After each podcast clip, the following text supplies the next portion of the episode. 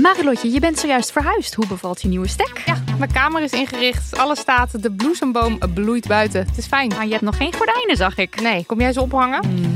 Maar het ding is dus, desondanks alles slaap ik als een koningin dankzij mijn matras van Emma Sleep. Een prinses zonder ert ben jij. Al leg je een ert onder mijn matras, ik denk niet dat ik er last van heb, want het is een hemelsding. En dan heb ik ook nog mijn Emma Diamond Pillow. Jouw slaapkamer is een slaapparadijs. Wil jij dat nou ook? Ga naar emma-sleep.nl en daar vind je moederdag sale met kortingen die oplopen tot wel 50%.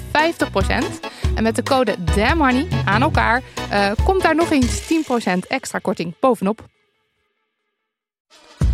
Mijn naam is Botte Jellema. Jouw naam is Ipe Driessen. Wij zijn van de Eeuw van de Amateur. De Eeuw van de Amateur is een podcast die gaat over... Alles. Het is een eh, podcast over levenskwesties die je niet kunt googlen. Een soort licht neurotische blik op het leven. Het is een podcast met humor. Jezus. Kijk, een grapje. Die, die vragen durft te stellen en die je ook onbeantwoord durft te laten. Mooi. met een regenboogvlagje. Dat, dat noem je queerbot. Dat het regenboogvlagje, dat klinkt echt als een soort... Eh, ik bedoel, iedereen is welkom. Kom ons luisteren in je favoriete podcast-app. Dag honingballen en ander gespuis. Welkom bij Damn Honey.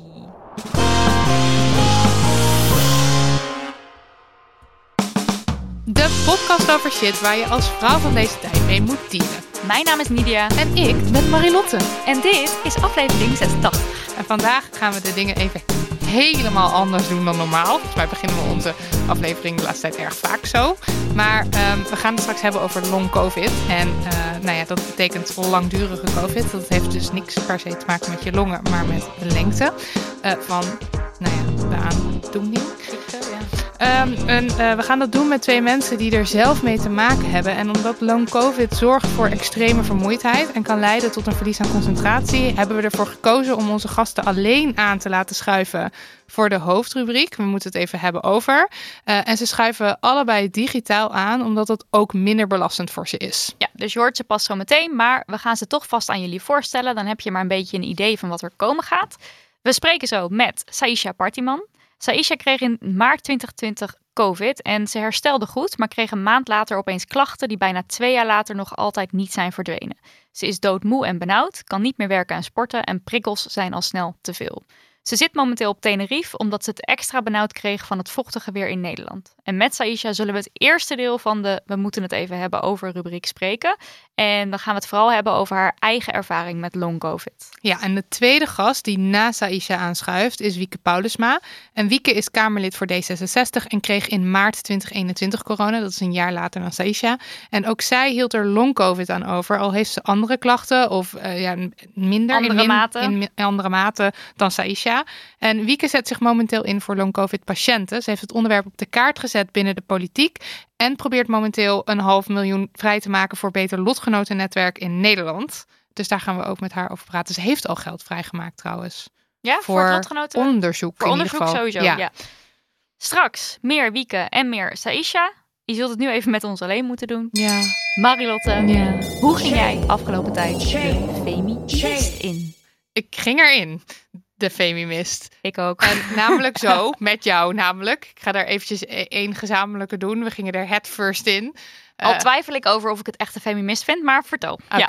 nou, dit is de situatie. Ehm, Nidia die appt op een gegeven moment. Oh my god, eh, we, eh, ons, ons boek is besproken in Parool. We staan in Parool. Ons, ons boek Shit waar je als vrouw mee moet dealen. Het handboek. Wat we dus opnieuw hebben uitgegeven.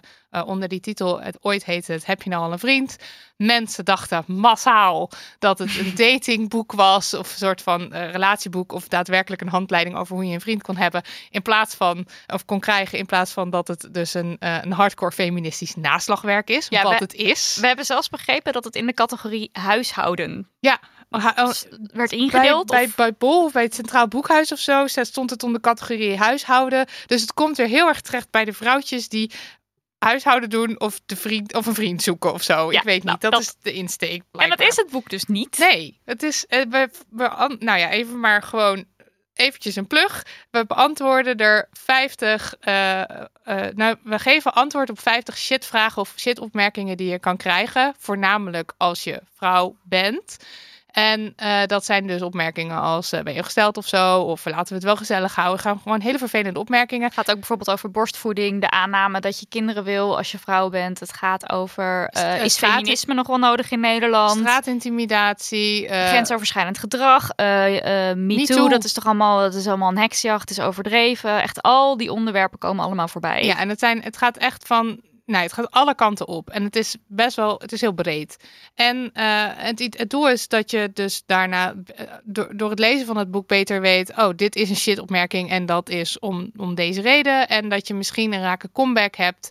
eh, of omdat, je, omdat wij nogal, als we deze opmerkingen kregen, met onze mond vol tanden konden staan. Ja, en omdat eh, los daarvan je bij heel veel opmerkingen ook zoiets hebt van, hm, het voelt niet lekker, maar, Maar waarom? waar- waarom is het nou eigenlijk een rotopmerking? Ja. En wij proberen daar dus woorden aan te geven en dus ook munitie aan de lezer te geven. Ja.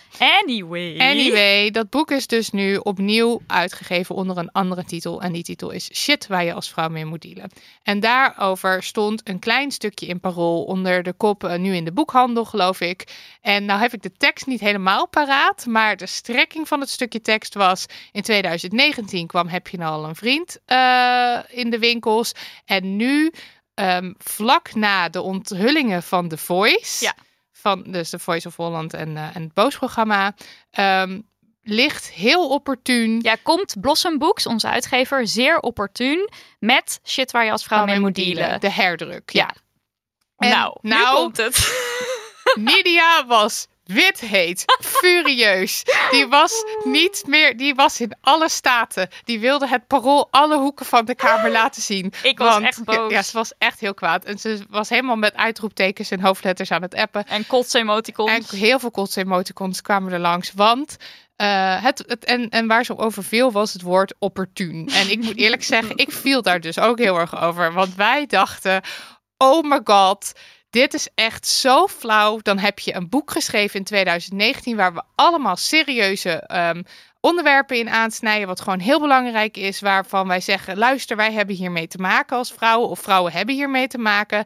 En dan is het een soort van krekelgeluid. Want we worden nergens besproken. Ja, worden- even. De, alleen de Telegraaf heeft ons hierover geïnterviewd. Ja. En dan zeg maar de afdeling vrouw. Telegraaf heeft een soort ja, losse redactie vrouw. Die dus vrouwendingen bespreken. Zij hebben ons geïnterviewd. Is een mooi interview geworden. Kregen we ook echt vol de ruimte. Ja. Maar NRC, Volkskrant, Parool. Nou, noem maar op. Niks, Niks. krekelgeluiden. Ja, krekelgeluiden.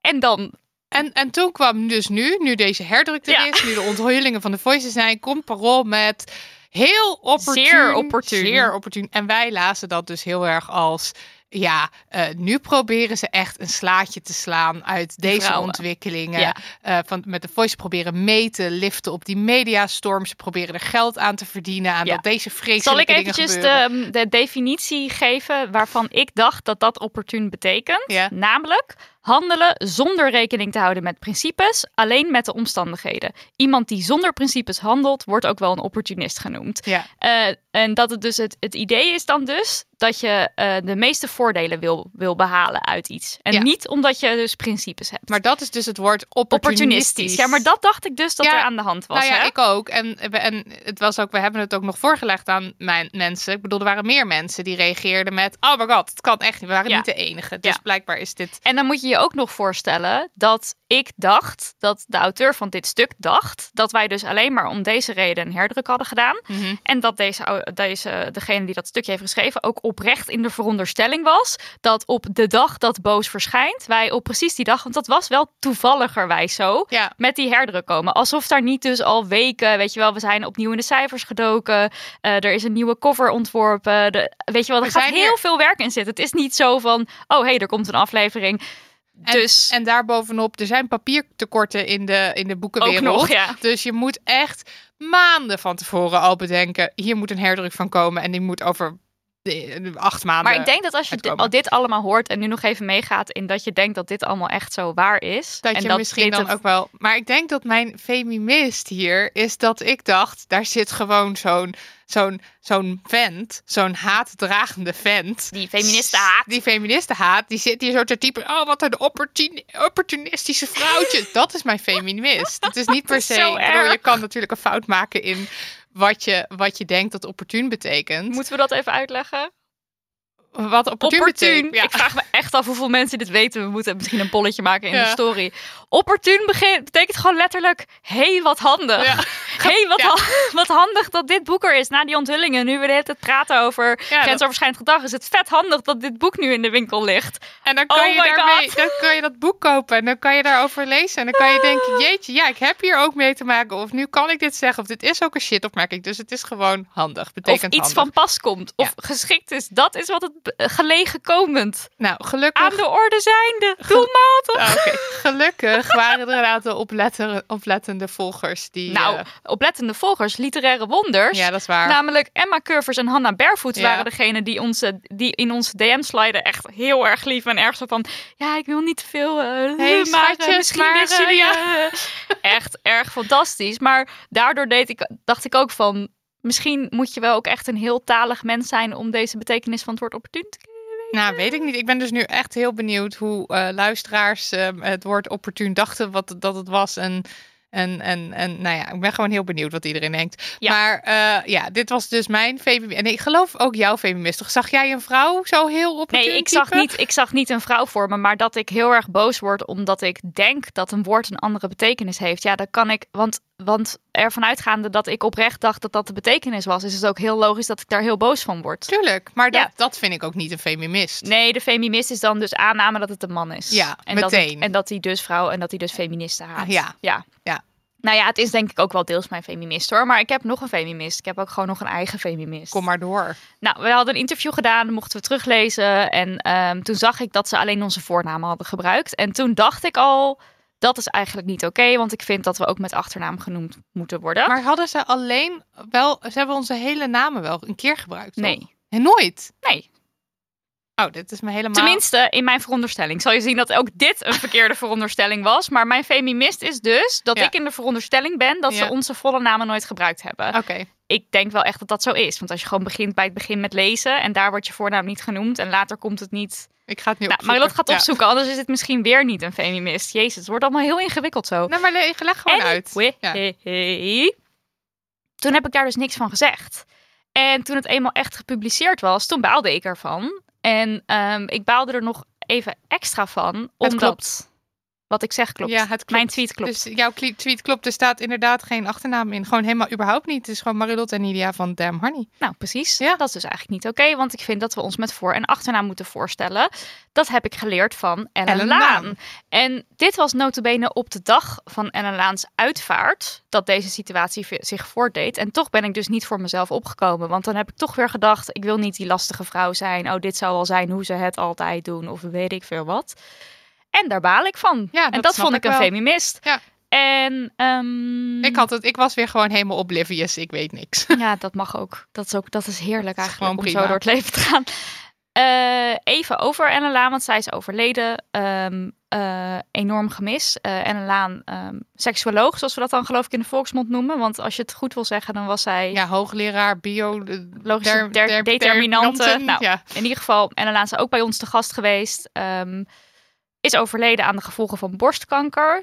Ze was nog maar 59. En we hebben een extra aflevering gemaakt waarin we langs al haar wijze lessen gaan. En dat gaat dus over de clitoris, over ruimte innemen. Je met voor- en achternaam eh, Voorstellen. voorstellen eh, over de vulva en wat vulva is, wat is vagina, over de G-spot, over al deze dingen. En ik raad gewoon heel erg aan om die aflevering terug te luisteren. En anders, misschien zelfs nog wel beter, de aflevering met Ellen Laan zelf. ja, dat is aflevering 29 over seksueel plezier. Ja. Doe jezelf een plezier en, en luister, daarnaar. Naar al die wijze woorden die die vrouw uitspreekt. Tijd voor post. Post. Post. Ehm, Post. Post. Post. Eerst, eh, eerst natuurlijk een leuk bericht. En dat bericht is dit. Dat bericht is dit. Hey lieve mensen van Damn Honey. Mijn moeder heeft zolang ik weet, namelijk sinds ergens in haar twintiger jaren, last van maandelijkse migraine. Dit komt natuurlijk altijd op het verkeerde moment, waardoor ze vele dingen heeft moeten missen. Vaak hield ze zich groot, soms omdat het niet anders kon, en woonde ze aan de zijlijn etentjes, etentjes, sorry, etentjes en evenementen bij. Lees misselijk met haar ogen dicht op de bank. Ik heb haar dit nooit kwalijk genomen, maar zij voelde zich denk ik wel vaak schuldig dat ze niet 100% moeder kon zijn op die momenten. Toen jullie podcast over migraine uitkwam, heb ik na het luisteren deze al eens met mijn moeder besproken. Ik denk dat ze het fijn vond om het migrainegedoe eens te bespreken, maar ze luistert geen podcast en had ook deze aflevering nog niet geluisterd. Nadat ik jullie recente Instagram-post over migraine doorstuurde, uh, we hebben dus een Instagram-post gemaakt over de CGRP-remmers. Die, uh, dat is een medicijn die uh, nu niet vergoed worden. Um, of voor maar een hele select groep mensen. Terwijl ze echt levensveranderend kunnen zijn mm -hmm. voor mensen met migraine. Ja. Heeft ze toch eens zelf naar jullie geluisterd? Ik denk dat jullie erg blij worden van de reactie die ik van haar kreeg. En deze, dit is met toestemming gedeeld. Ik heb net de podcast van Damn Honey geluisterd over migraine. Dat heeft me goed gedaan. Niet dat ik iets nieuws heb gehoord, maar het was fijn om zoveel herkenning te hebben bij wat ze vertellen over het bagatelliseren, niet meer weten hoe erg het was, niet tot je door laten dringen hoe belastend het voor je is, het ook niet aan willen nemen als anderen het wel ernstig vinden, maar het tegelijkertijd ook heel kut vinden als het niet serieus genomen wordt. Het doorgaan ondanks de klachten, je niet ziek willen melden, dat je er heel streng over bent tegen, tegenover jezelf. Dat je er altijd op een bepaalde manier rekening mee houdt en hoe belastend dat is. De schaamte omdat, het gevoel, omdat je het gevoel hebt dat het jouw schuld is, dat je iets niet goed hebt gedaan en dat, je daardoor, en dat het daardoor weer misgegaan is en je dus weer een aanval hebt gekregen. Uh, het deed me goed om nog eens te horen dat het niet mijn schuld is, dat je altijd migraine hebt en dat je dat merkt als je een aanval hebt dat er geen bewijs is voor de oorzaak, geen stress of ontspanning na stress of bepaalde voedingsmiddelen. Alles bij elkaar helpt het me om meer te accepteren, om wat milder voor mezelf te zijn. Net als nu. Het dreigt en ik doe van alles wel of juist niet met het idee dat ik er invloed op heb. Maar dat is dus niet zo. Het idee er medicatie voor te slikken, daar heb ik nog steeds veel weerstand tegen. Vooral omdat niet duidelijk is wat de oorzaak van de migraine is. En dat je dan dus medicatie uit moet proberen met ook de bij bijwerkingen die daarbij horen. Dat nieuwe middel, de CGRP-remmers, dat wel speciaal voor migraine is, is heel duur en stom genoeg, denk ik dan, dat ik het niet erg genoeg heb. Mijn hoop is dat ik na de overgang geen of toch veel minder last zal hebben. Als dat niet zo mocht zijn, dan is medicatie wel een optie. Om jullie er maar even aan te herinneren hoeveel goed jullie doen door alleen al openlijk te praten over onderwerpen, dank jullie wel. En die laatste zin is weer eventjes van de brievenschrijver Van Famke. van Famke en haar moeder Ellen. Dus ze citeert hier dus haar moeder, die blijkbaar veel uit onze aflevering met uh, Cato, mijn vriendin, over migraine uh, heeft gehad. Wat ik echt heel fijn vind, want... Uh, zo'n kutziekte. Het is zo'n kutziekte en mensen hebben gewoon heel erg de neiging om het te bagatelliseren voor zichzelf en Ja, de omgeving. ik heb het niet ook erg eigenlijk genoeg. ook. Ja, precies. Ladila, eigenlijk alles wat natuurlijk eh, Ellen zelf ook al eh, Ja, dus eh, schrijft. heel erg naar dat je het hebt, maar erg fijn dat je iets hebt gehaald uit de aflevering. Ja. Dan ga ik naar het poststuk. Lieve Marilotte en Nidia, allereerst, wat maken jullie een fijne podcast en schrijven jullie heerlijke boeken? Hmm. Ik luister heel graag naar en Damn Horny ligt standaard op mijn nachtkastje. Wink emoticon.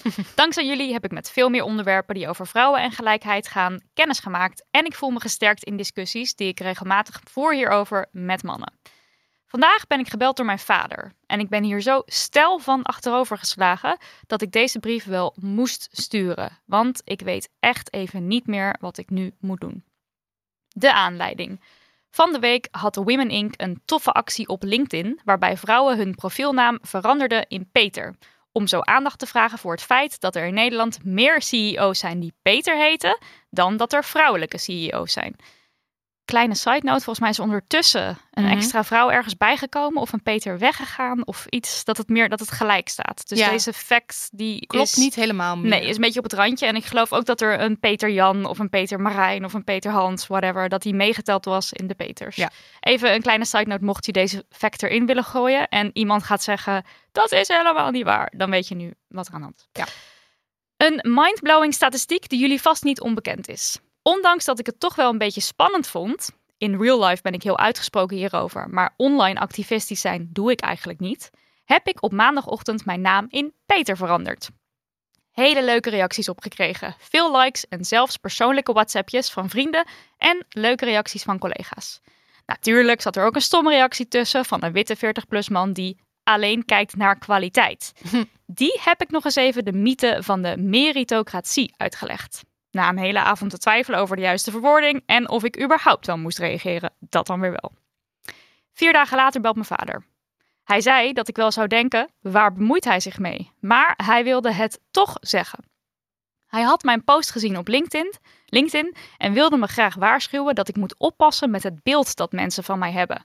En dat het invloed kan hebben op mijn carrière als mensen denken dat ik een doorgeslagen feminist ben. Ik stond perplex. Mijn vader en ik hebben hier vaker gesprekken over en het is wel duidelijk dat we hier een andere mening over hebben en er anders in staan.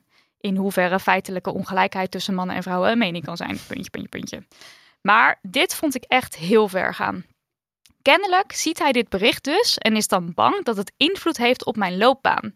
Kennelijk ziet hij mij dus als een doorgeslagen feminist. Ik snap het ook niet, want hij heeft mij altijd onwijs gesteund in mijn studie. Gezorgd dat ik alle kansen had die hij niet had, juist om me te helpen ver te komen en alles te kunnen doen wat ik wilde.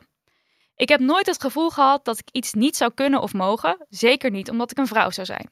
En nu ik eenmaal een diploma heb en een leuke baan met toekomstperspectief, begint hij opeens te praten over wanneer ik kinderen wil en of ik dan niet minder moet gaan werken. Hè? Wat wil je nou? Nou goed.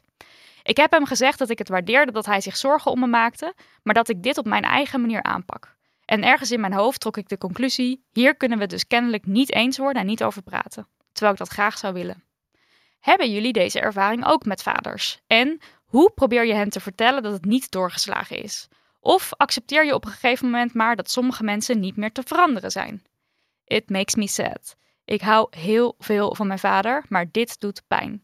Ben benieuwd wat jullie reactie hierop is en of jullie advies hebben hoe ik dit beter bespreekbaar kan maken. Groetjes en liefs, Willemijn.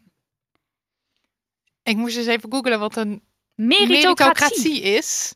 Maar dat is dus het idee uh, dat, dat ik citeer gewoon even Wikipedia. Het is een maatschappijmodel waarin de sociaal-economische positie van elk individu is gebaseerd op zijn of haar verdiensten, meritus.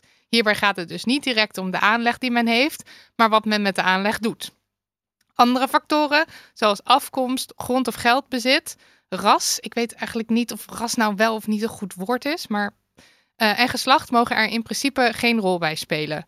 Kortom, een meritocratie is een samenleving waarin individuen een positie innemen op basis van hun eigen capaciteiten en kennis en niet via geboorte, huwelijk of traditie. Ja, volgens mij is dit uh, ook binnen de VVD en de, de neoliberale samenleving. Gewoon hard werken. en als je, goed. Ja, als je hard werkt, dan kom je er wel. En iedereen heeft in principe, uh, heeft, gaan ze ervan uit dat iedereen dezelfde kansen heeft. En, ja, en, dit is ook natuurlijk het idee van, oh, maar ik als vrouw sta toch ook op deze positie. Of ik als man van kleur, als vrouw van kleur of whatever. Dat je ja. dus zegt van, ik, het is mij ook gelukt. Dus als je maar hard genoeg werkt, dan kan jij het ook. ook ja. Dus het is... als je naar de cijfers kijkt, zie je gewoon onwijs grote verschillen. En het is ook heel erg uh, uh, zeggen, je moet niet zo in de slachtofferrol kruipen als jij zegt, maar ik heb het, ik heb het, ik heb serieus tegenslagen omdat, weet ik veel, mijn naam niet oer-Hollands klinkt en ik daarom dus niet word aangenomen of uitgenodigd voor een sollicitatiegesprek of zo. Want dan, ja, doe je het eigenlijk zelf en doe je het jezelf aan. Ja. Uh, dus de mythe van de meritocratie. We kunnen meritocratie. Ons daar, meritocratie. Daar kunnen we ons bij aansluiten dat wij ook zeker vinden dat dat een mythe is. Want het, gaat, het is gewoon niet zo dat iedereen gelijke kansen heeft. Maar back naar mannen die zeggen: pas je wel op dat je niet een doorgeslagen feminist bent.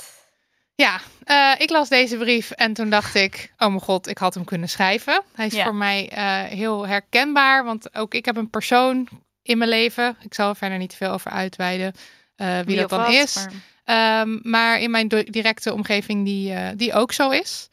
En uh, het gesprek ho hoeft maar een vleugje van feminisme in zich te hebben. of daar gaan we al, want dan is het vaak ja, maar mannen dit. Of die hebben daar ook last van. Ja. Of die hebben weer, die, die worden meer dakloos of zo. Ja, precies. Ja. Of bij, nou ja, bij het woord patriarchaat krijgt deze persoon al bijna een beroerte. maar ja, dat is best, best intens eigenlijk. Want dan kan ik dus niet um, een gesprek voeren. Omdat hij zich vaak ook altijd aangevallen voelt en uh, niet luistert. En stelt geen vragen ook, zeg maar inhoudelijk. Betrekt vaak de dingen heel erg op zichzelf.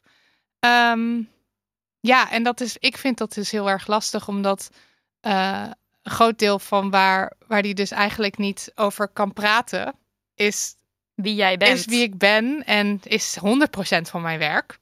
Ja, het is natuurlijk ook wel weer wat anders misschien als je een keer iets feministisch uit op, op de socials. Versus bij jou is het natuurlijk, jij je draagt feminisme in alles uit wat je doet. Ja, precies. Dus ik kan ook, zeg maar, van ongeveer elk gespreksonderwerp kan ik op een gegeven moment soort van, ja, maar wist je dat? Weet je wel, dat zou Ja. kunnen. Ja, plus als jij het over je werk hebt, hebt, dan gaat het over. We hadden laatst in de podcast iemand die kan vertellen Ja. over de loonkloof. De loonkloof, Ja. die bestaat niet. Ja, precies. Dat. Of eh, we, hadden, we hadden een aflevering over poepen, want dat heeft meer te maken met het patriarchaat dan je denkt. Bla, dat, zeg maar, ja. dus, dus dat. Wel vervelend als je zo re- moet reageren de hele tijd en het op jezelf moet betrekken. Maar dit is Ja. zeker niet iets wat weinig voorkomt, heb ik het gevoel. Nee, dat denk ik ook niet. En eh, ja, nou ja, de briefschrijver zegt ook al mannen. Ja, ik denk, de, ik heb het gevoel dat, dat daar wel dat, dat ja, die conclusie misschien wel te trekken is. Maar, Maar is het ook zo in jouw geval dat deze persoon denkt: oh mijn god, Marilotte die is dus die uit zich als doorgeslagen feminist en dit gaat slecht voor haar zijn of Ja, zo? Eigenlijk was de, wat de vader van eh, eh, Willemijn ook. eh, Ja, nee, en ik weet dat dat is zeker aan de hand. En ik weet ook dat het uit liefde voortkomt. Want hij maakt zich zorgen en hij is bang dat ik vijanden maak of zo als feminist. Ja, dat heeft, dat heeft Willemijn dus blijkbaar ook. Dat je dan je niet dezelfde, jezelf te veel moet profileren als doorgeslagen femi- feminist. Want wat zullen de mensen wel niet denken? Ik vraag me ook af als dus het aanpassen van je LinkedIn-naam, omdat Women Inc. een actie voert. En trouwens erg goede en leuke actie hoor. Maar als je dan al een doorgeslagen feminist bent. Maar ik heb het idee dat het meer was over de, die reactie op die meritocratie. Dat, want vier Oh, dagen oké. later Oh, belde ja, ja, haar vader. Oké, Dus ik denk Sorry, dat heb ik gewoon- dan even niet goed Dat eh, heeft hij gele- gelezen, en hij dacht, oké, maar dit eh, hier... eh, En vanaf daar is het dan dus de doorgeslagen feminist. Ja, dus, dus ik denk, nou ja, en, en ja, dat is toch zorgen maken. Want het is toch gewoon heel erg van, oh nee, ze is feminist. En, en ook nu uitgesproken en dit gaat helemaal mis. Hmm. Eh, ja, en ik vind het dan dus zo jammer. En ik lees het ook in de brief, dat, dat er dan dus helemaal geen interesse meer is waarom je dingen doet of zegt. Want het is zeg maar, het, het, het gaat echt alleen maar over eh, hoe andere mensen jou zien. Het is een soort angst van, van oh nee, dit, dit gaat mis of zo. Het, gaat alleen maar Ik over... vind het zo erg eh, spreken voor hoe dan zo'n vader of bij jou zo'n persoon dan denkt over feministen. Ja, want, Want dat als is jij dus dus blijkbaar, blijkbaar, ja, dan heb jij dus echt het idee van, oh, ehm, als eh, die persoon in mijn omgeving of mijn dochter daar zich zo over uitspreekt, dan kan dat zo erg zijn voor haar carrière. Dat is dus blijkbaar zoiets ergs Ja. om te zijn. Ja. Ja, dat vind ik eigenlijk ook wel echt shocking. Ja. Dat mensen er zoveel, ja, soort walgevoelens eigenlijk bij hebben. Want dat ze echt het idee hebben van, ik moet jou beschermen, want dit gaat helemaal de verkeerde kant op. Ja, en ik, ik, dit is een theorie van mij, maar ik denk dus ook dat er dan nog meespeelt dat dit, dat, omdat ze zich online uitspreekt. eh, ik, ik denk vooral 40-plus mensen denken dan alles wat je op internet zet, dat staat daar voor eeuwig. Dus dan Dat ben je- dat is gevaarlijk en dat verspreidt zich. Dat is denk ik dan nog erger dan wanneer je dus een gesprek voert. Eh, want dat, is dan, dat blijft dan onder jullie of onder de mensen die er dan zijn. Maar online is het natuurlijk, oh, nou, Willemijn is femi- feminist. Wat vreselijk, doorgeslagen of zo. Snap je wat ik bedoel? Ja, nee, ik snap wel wat je bedoelt. Maar stel, wij komen ooit in de positie dat we mensen kunnen aannemen en kunnen betalen. Eh Ja, dan zijn ze... dat nummer één op onze lijst is dat je een doorgeslagen feminist bent. En wij zijn heus niet, kijk, wij doen alles met feminisme. Maar er zijn genoeg mensen die feministen in hun bedrijf willen. Ja, dat lijkt me wel. Maar Maar het is het- heel raar om te denken dat het bij voorbaat al je carrières gaat. Dat is heel gek. Maar Ja. maar ja, nee, nou ja, ik ben dus ook al een beetje gewend aan dat dit dus soort van het uitgangspunt is van de persoon. Of van in dit geval de vader van Willemijn. eh, dat, dat, dat feminist zijn dus iets vreselijks is. Dat is, Ja. dat is echt ongeveer... En zeker een doorgeslagen feminist, dat is gewoon echt heel erg. Daar moet je voor hoeden dat andere mensen daarachter komen. Ja. Ja, en ja, ja, nou ja. Ik heb zelf trouwens geen oplossing of zo, want ik, ik struggle hier enorm mee. Eh, als ik nu in een gesprek zit met de persoon in kwestie, dan zit ik altijd van, nou, wat een heerlijke soep. En ja, gaat god, gewoon ja, eromheen. ik ben eh, aan het winterzwemmen Lekker nu. weer, hè, en, buiten. Ja, dat. Want ja, ik, en, en ik, vind, ik vind het echt heel lastig, omdat ik dus, nou ja, laten we zeggen, 80% van mezelf eigenlijk gewoon niet meer, ja, ik, kan, ik kan gewoon niet meer goed praten eigenlijk. Nee, je kan niet je volledige zelf zijn. Nee, en, en nou ja, het doet je, de, komt de relatie tussen mij en die persoon. Niet en ook niet tussen, tussen Willemijn en de vader. Komt niet echt ten goede. Want je kan gewoon niet. Je kan niet meer inhoudelijk een gesprek voeren. Omdat je het gevoel hebt dat je al bij voorbaat de, de boel moet sussen of zo. Ja, dat is toch ook gewoon een heel pijnlijke situatie. Dat is een hele pijnlijke Je zou situatie. toch willen dat iemand denkt van... Oh wow, mijn dochter die spreekt zich uit over onrecht in de wereld. Dat is toppie. Ga vooral nog een keer online op LinkedIn dit zetten, Willemijn. Dat is wat je hoopt dat een vader zou doen. Ja, en dat is dus niet aan de hand, want hij maakt zich meer toch meer zorgen over. Het beeld dat mensen van haar Ja, hebben. en dan dus ook, weet ik veel, hoe, hoe dan mensen erover moeten denken en wat voor effect dat dan gaat hebben op jouw leven straks. Dat dat nadelig gaat werken. Feminist moet je niet zijn. Ja, ik, Ik denk vind dat. het echt heel eh, intens eh, verdrietig eigenlijk dat mensen zo reageren hierop. Ja, en, en, en, en het toont ook maar weer aan dat we ook gewoon ja, nog een hoop werk te doen hebben. Want zolang doorgeslagen feministen dus als iets worden gezien wat, wat Een gruwel. Ja, dan eh, nou, hebben ze gewoon veel werk aan de win- winkel. Ik denk dat het belangrijkste is om je te realiseren dat jij iemand niet gaat veranderen waarschijnlijk. Je moet denk ik gewoon goed inchecken bij jezelf. Heb je energie vandaag of niet om de discussie aan te gaan? Eh, en misschien besluit je wel, ik heb daar helemaal geen zin in, ooit nog. En dat is ook oké. Eh, bescherm jezelf daar een beetje mee. Het is oké om de hele tijd over lekkere soep te hebben. En eh, Ja, en- sommige mensen zijn inderdaad niet te veranderen. En dat, dat is misschien goed om een keer te accepteren. Ja, en, en ja, nou ja. En, en praat erover als, als, als, het, als, als die mensen er zijn met mensen om je heen, zeg maar, die Dat wel. het pijn doet of dat het Ja, vervelend is. Want het is wel ook heel oké om, om dus te zeggen: dit, dit, dit, is, dit is aan de hand en dit is echt heel kut. ja, dat je met iemand anders daar even Ja. je, je hart over kan luchten. Dus, eh, dus dat. Succes Willemijn. Succes Willemijn. Yes, je hoort het goed. Het is weer tijd om onze sponsor HelloFresh in de sunshine te zetten.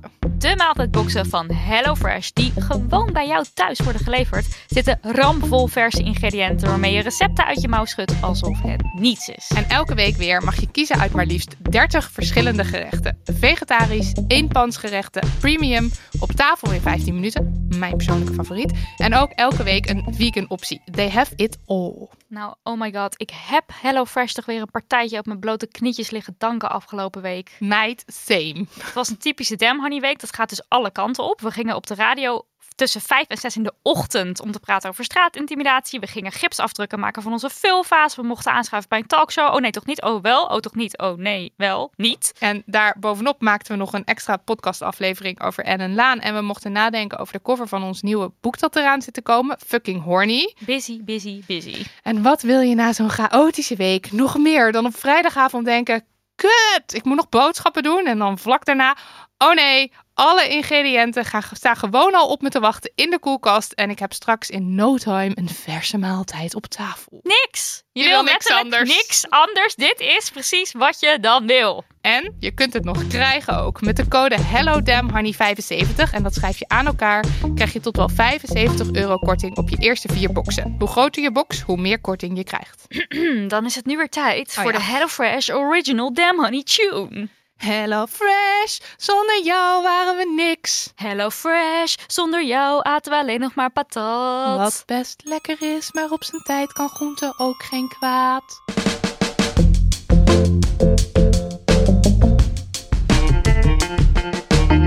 We moeten het even hebben over long covid. En voor we hier induiken, meteen een disclaimer. We zijn geen artsen, zoals jullie waarschijnlijk wel weten. En we kunnen inhoudelijke vragen over de ziekte dus niet beantwoorden.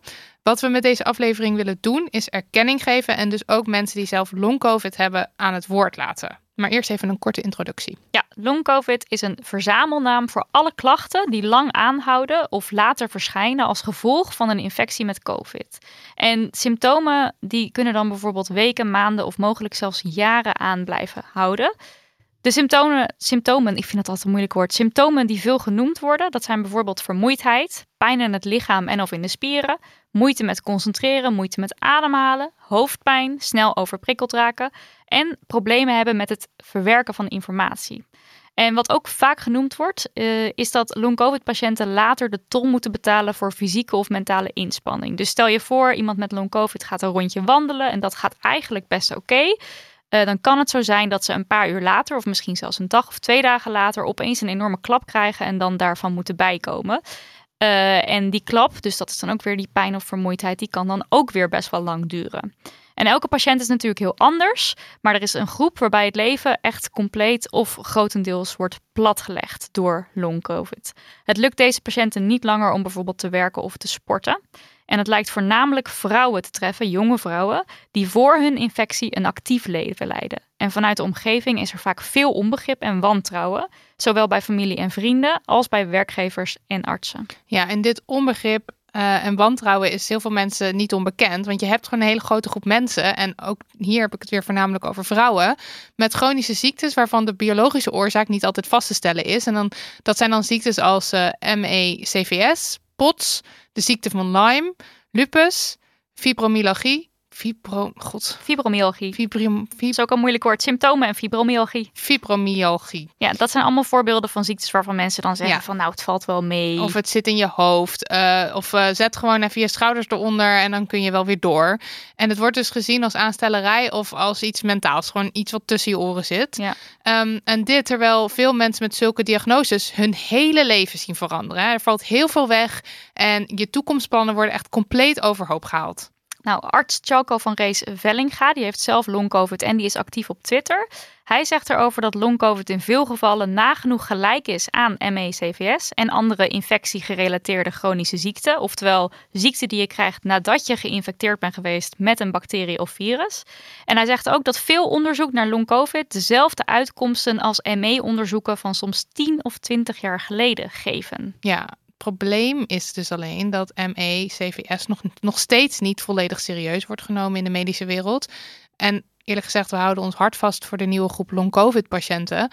Um, dus ja, we moeten het over long-covid hebben, zodat patiënten de erkenning krijgen die ze verdienen en vervolgens ook bijbehoren, de bijbehorende zorg en aandacht. Bij ons aan de digitale tafel is zojuist aangeschoven vanuit Tenerife Saisha Partiman. Hallo. Hallo. En welkom. welkom. Dankjewel. Hoi. Dankjewel. Saisha is psycholoog en gezinstherapeut en oprichter van het Belme Wel-register. En dat is een initiatief dat opgericht is tijdens corona. En daar konden mensen zich aanmelden om gebeld te worden als ze wel wat mentale steun konden gebruiken. Yes. En ja, Saisha, waarom je aanschuift is omdat jij in uh, maart 2020 COVID kreeg. En um, nog altijd te maken hebt met uh, heftige klachten. Ja, klopt. Door long-covid. En um, ja, ik denk dat we maar gewoon meteen het gesprek in moeten duiken. Prima. En dan ben ik heel benieuwd, hoe zag jouw leven eruit um, voor het hele covid-verhaal? Uh, ja, uh, heel goed eigenlijk. Um, ik had uh, een heel leuk leven, vind ik zelf. ik werkte als psycholoog dus inderdaad bij jeugdgerichte instellingen in Amsterdam. En uh, ja, ik uh, vond dat heel erg leuk om te doen. Ik uh, sportte veel, hardlopen, sportschool, yoga. Ik had een druk sociaal leven met familie en vrienden. ja, het was eigenlijk gewoon heel goed. Niks te klagen. Ja. Heel gaande. Ja, echt heel gaande. Ja, want wat veel mensen, we hebben een vraagsticker online gezet en wat veel mensen mm -hmm. dan toch vragen van, um, uh, had je dan van tevoren al, had je al iets van klachten of? Nee. Um, ja, nee. nee. dat, nee, ik, uh, nee, ik was, ja, ik was, ik ben nog steeds jong, maar ik was heel gezond. en uh, ja, ik ben nu 31, bijna 32 en ik was 29 toen ik corona kreeg. Um, ja, dus en ja, ik kon gewoon heel veel in een week. Ik had een heel druk bestaan. Ik fietste de hele Ja, stad ja. door voor mijn werk en uh, kon daarna ook nog sporten en andere dingen doen. Ja, er was echt helemaal niks aan de hand. Ja, Ja. geen vuiltje aan de lucht. Nee, En, en toen kreeg je in maart 2020 kreeg je COVID. ja, klopt. En, en welke klachten had je toen? Ehm, ik was eh, benauwd, heel moe. Ik had ook, eh, na de avond ervoor ging ik hardlopen nog. En toen kreeg ik gelijk echt verschrikkelijke spierpijn. Toen dacht ik al, wat is aan de hand? En eh, de volgende dag had ik heel veel pijn in mijn hele lichaam. En toen dacht ik, dit is niet goed. En ik was bij mijn ouders en we waren eigenlijk met z'n drieën ziek. En ja, vanaf toen eh, ben ik een week of vijf denk ik ziek geweest. En ik was benauwd, moe, hoofdpijn. Maar verder, het viel eigenlijk wel mee. Ik dacht, nou ja, weet je, als dit het is, prima. Dan heb ik het nu gehad en dan kan ik daarna weer gewoon verder met mijn leven. Mhm. Dus ehm, ja, het, het, het was relatief mild. en het herstel? Ja, dat leek dus daarna wel oké te zijn. Ik werd half maart ziek en toen, eh, zo tegen eind april, kon ik gewoon weer volledig aan het werk. Dat was, ja, dat, dat, eh, dat ging eigenlijk echt prima. En toen heb ik dus ook dat wel wel register opgezet. Dat heb ik bedacht terwijl ik ziek was. En toen dacht ik, nou oké, top. Als ik beter ben, dan kan ik dat gaan doen. En dat is superleuk. Mhm. En dat ging ook allemaal. En eh, dat heb ik denk ik allebei, ja, werken en dat bel me wel heb ik anderhalve maand klachtenvrij, zeg maar, kunnen doen. En toen eh, in juni begonnen de klachten ineens weer te komen. En werd ik ineens weer benauwd. Was ik heel moe, had ik allemaal rare tintelingen in mijn lijf. was ik na inspanning helemaal kapot. En toen dacht ik, ja, wat is hier nou weer aan de hand? Weer tests gedaan. Of tenminste, toen mocht je laten testen. Dat mocht daarvoor niet. Eh, maar ja, negatief. Dus eh, nou, maar wat meer rust nemen, kijken of dat hielp. Maar toen werd het eigenlijk steeds weer erger. Dus eigenlijk is er een soort tussenperiode geweest, kort, waarin eigenlijk de dingen er best wel Ja, het ging super goed. Ik was weer ja. volledig aan het werk en ik deed dat wel wel gisteren naast. En ik was weer aan het sporten en ik, ik, ik deed gewoon weer ja, mijn normale leven. En uh, Helemaal het, leven terug goed. van, Ja. van voor de eerste COVID. ja, ja, Ja, en wat mensen volgens mij ook wel denken is dat eh, mensen met long-covid ook eh, heel heftige corona eh eh, nee, het is hebben eigenlijk de gehad, grootste maar dat is ook groep niet. van de long-covid-patiënten heeft echt een milde infectie doorgemaakt. Dus Ja. Hm. een beetje net ja, als dus ook ik. echt een misverstand. Ja, en niet iedereen hoor. Er zijn ook mensen die wel flink ziek zijn geweest, maar eh, een echt een hele grote groep ook niet. En die, dat is gewoon even ziek geweest, weer beter Ja. geworden. En daarna ja, en soms weer. blijven mensen ook gewoon ziek hoor. Ik bedoel, dat, dat weer beter worden, dat heeft niet iedereen eh, gehad. Dat was eerst Hm. ook iets waardoor ik dacht, dit kan toch niet. Dit is echt heel raar. Wat is er mis met mij? Klopt dit wel? Eh, Ja, maar ja. Ik, ja, inmiddels, met de kennis van nu, weten we dat dat heel veel voorkomt. En dat hoorde ik op een Mhm. gegeven moment ook wel van het ziekenhuis. Van daar ben je niet de enige in. Er, hebben, er is een groep mensen die dit heeft en een groep mensen die gewoon ziek blijft vanaf het begin. Dus dat Mhm, eh, ja. ja, kan allebei. Verschilt. En, en hoe zagen je dagen er, zeg maar, oké, dan, dan eh, ben je weer beter. Dan, dan denk je, oké, ik kan mijn leven weer helemaal inrichten zoals voor COVID. En dan krijg je klachten. Wat is dan het eerste, wat is wat je deed? Hoe zagen de dagen eruit? Ehm, ja, het is heel raar. Ik, ik zat er ook over na te denken eh, hoe dat nou gegaan is. En ik heb eigenlijk in het begin, toen die klachten terugkwamen, heb ik vooral geprobeerd om, oké, buiten werken om ging dan even niet zoveel meer. Dus dan nam ik wat meer rust. Maar ik dacht, weet je, oké, dit gaat wel voorbij. Ik moet gewoon geduld hebben. Toen heb ik een keer een weekje vrijgenomen. dacht, kan ik weer even opladen. En in die week viel ik ook de hele dag overdag, de hele tijd overdag in slaap. En eh, was ik heel benauwd. Kon ik niet echt, eh, ik zat in de duinen, maar wandelen, dat ging heel moeizaam. Dus ik dacht ook, oké, nou, blijkbaar heb ik dit echt nog nodig. Maar hierna gaat het wel weer. Maar dat was niet zo. Toen ik toen weer terug aan het werk ging, was het eigenlijk de hele tijd eh, dat ik na een paar uur afspraken af moest zeggen, dat het niet ging. En het was gewoon heel erg zoeken naar wat gaat nu en wat gaat nu niet. En ik begreep natuurlijk ook totaal niet wat er aan de hand was. Dus het heeft toen ehm, ja, nog heel juli ongeveer geduurd voordat ik echt omviel.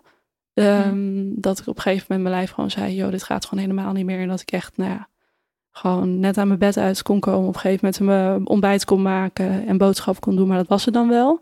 Dus toen heb ik me helemaal ziek gemeld. En vanaf dat moment is het, eh, ja, heel, eh, is mijn wereld heel klein geworden. En mijn dagen heel, eh, ja, noodgedwongen heel leeg. Ja. En als je dan zegt van eh, het lukt me nog wel om, eh, om eten te maken of, eh, of nou ja, heel eigenlijk de kleine dingen te doen. Hoe voelt het dan als je daar als je over die grens gaat? Ehm, nou, soms merk je dat meteen. Dan word je gewoon gelijk benauwd. Of eh, dan zegt je lijf gewoon op verschillende manieren, bijvoorbeeld hoofdpijn of tintelingen. Of ik krijg ook vaak als ik dan een stukje gewandeld heb en dan sta ik stil. En dan krijg ik overal een soort rare spasme in, mijn, in allemaal spiertjes. Oh ja. Ik denk, wat is hier Mm. nou weer aan de hand? Maar dat betekent dat ik te ver ben gegaan. Ja. En soms moet ik gewoon, kan ik niks anders behalve gaan liggen en wachten tot ik me weer wat beter voel. Maar soms komt ook de klap zeg maar later en dat is heel verwarrend. Dat heb ik heel veel gehad over de afgelopen twee jaar. Dat ik denk, nou oké, dit ging wel. En dan de dag erna stort ik ineens helemaal in of twee dagen later. En dan duurt het ook even voordat je weer bovenop komt.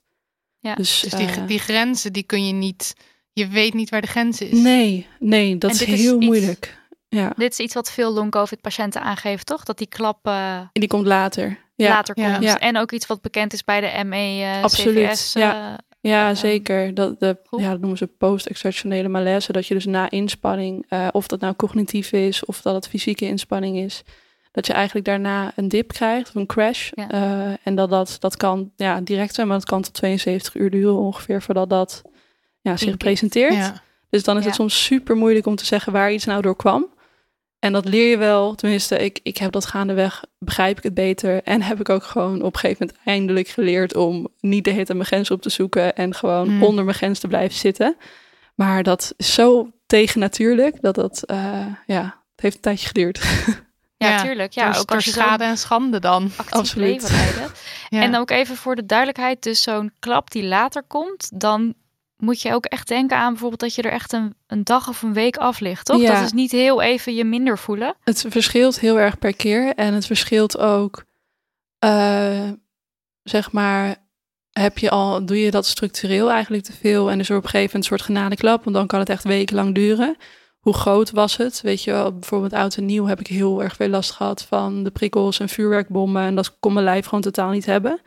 En Mhm. dan, uh, na de dag erna ging het wel, maar dan voelde ik al dat mijn lijf onder een soort van spanning stond. En dan weet je, op een gegeven moment stort het gewoon in.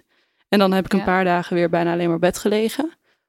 Ehm, en soms, ja, in het begin toen ze nog niet zo goed begrepen wat het was. En nee, zei net al, en mee, gewoon een vermoeidheidssyndroom. Ik snap eigenlijk niet zo goed waarom ze aan het begin hiervan niet al een connectie daarmee legden. Want het is zo vergelijkbaar.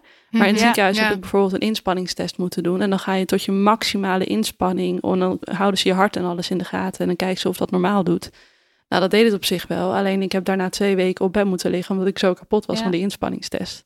En, dat, En kan je dat- eh, Kan, je, kan je dat dan aan de arts dan vertellen daarna? Ja, nou ja, dat toen, eh, ja, uiteraard. En dat, dat zagen zij toen ook wel. Maar ik was gewoon de eerste lading. Dus ze hadden gewoon nog niet echt een heel goed idee. Hm. Maar ik heb heel goed contact met het ziekenhuis. En ook mijn, eh, ik heb nog steeds zes wekelijks eh, een incheckmomentje met ze. En zij zeggen ook, we doen dit nu niet meer. En we zouden dit nu ook nooit meer doen met de kennis van nu.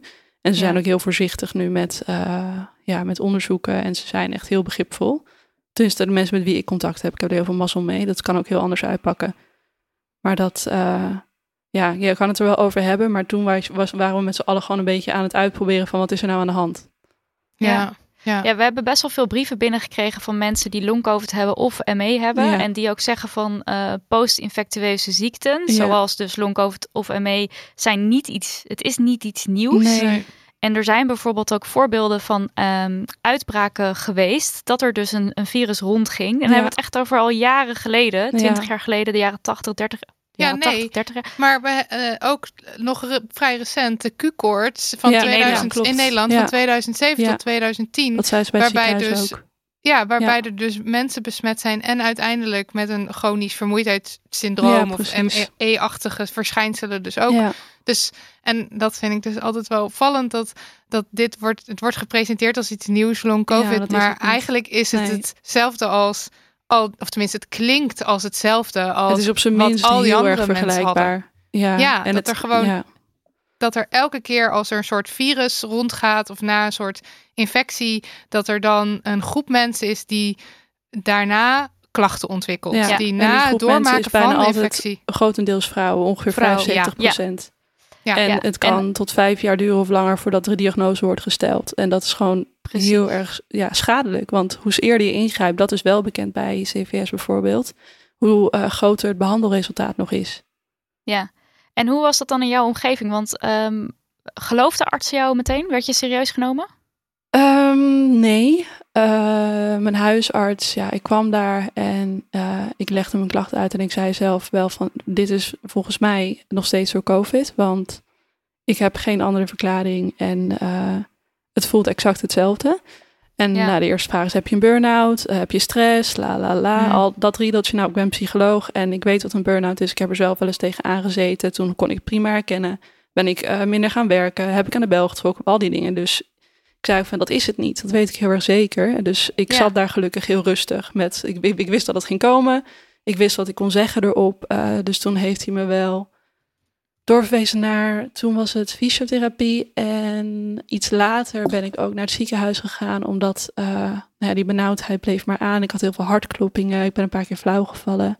Dus toen hebben ze me ook doorverwezen naar het ziekenhuis. En toen gingen ze een long-CT doen en bloedonderzoek. En een hartfilmpje is gemaakt en dus de inspanningstest. Nou ja, daar kwam allemaal niks uit. Maar dat was wel een soort Mhm. geruststelling. Vooral toen we nog niet wisten of er nou een soort van schade was ook bij long covid. En ehm, dus toen nou, werd het wel serieus genomen. Maar ja, wel met een soort ondertoon van het zal allemaal wel. En dat heb ik wel op Ja. veel plekken ook teruggekregen. Eh, de eerste bedrijfsarts met wie ik sprak, eh, zei, ook al was dat maanden verder en wisten we toen dat veel meer mensen dit hadden, zei, nou, dit kan helemaal niet, dit eh, kan niet na een griepje. Toen dacht ik echt, nou, laat maar. Dus dat gesprek opgehangen, mijn manager gebeld, die fantastisch is. En die zei, nou, we hebben net een nieuwe bedrijfsarts, ga maar bij hem. En die is gelukkig, Gelukkig. fantastisch en heel begripvol. Ehm, dus ik heb mazzel wat dat betreft. Ja. Mijn Ja. werk is begripvol. Ik heb uiteindelijk fijne hulpverleners gevonden. Het ziekenhuis, weet je, die eh, heeft kunnen zien van oké, eerst deden we dingen die zijn niet helpend geweest. Nu kijken we er zo naar. Maar ik- ik weet dat het voor heel veel mensen ook niet geldt. Ja, want Ja. eh, daar hebben we ook veel berichten dus over binnengekregen. Ja. Dus eh, het idee, het zal wel in je hoofd zitten. En dat Ja. is absoluut niet iets nieuws bij ziektes die vooral vrouwen treffen. En waarbij dus biologisch niet vast te stellen is wat er nou Nee, precies in het lichaam aan de hand heel is. lastig. Ja. Ja. ik heb ook zo, ik, ik, ik hoorde ook dat MS bijvoorbeeld gezien werd als hysterische verlamming.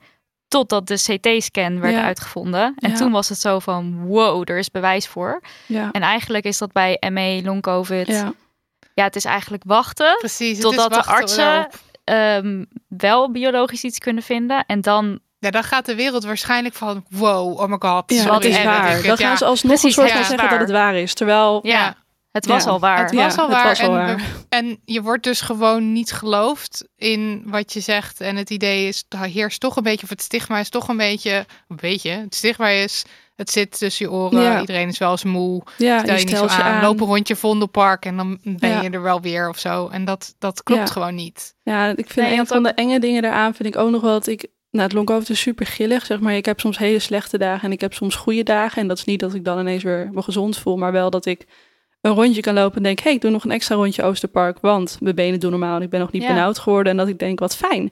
En dan gaat er in mijn hoofd dus gelijk een soort stemmetje aan dat zegt... Ben je wel echt ziek? Ja. Zelfs in mijn Ja. hoofd zit heel erg dat ik... Ja. En terwijl ik weet en ik kan het allemaal eh, ja, beredeneren. Ik heb deze kennis, ik snap hoe het werkt. Maar toch zit dat stemmetje ook in mijn hoofd. Dat ik denk, Moet je nagaan. is Ja. dit wel echt?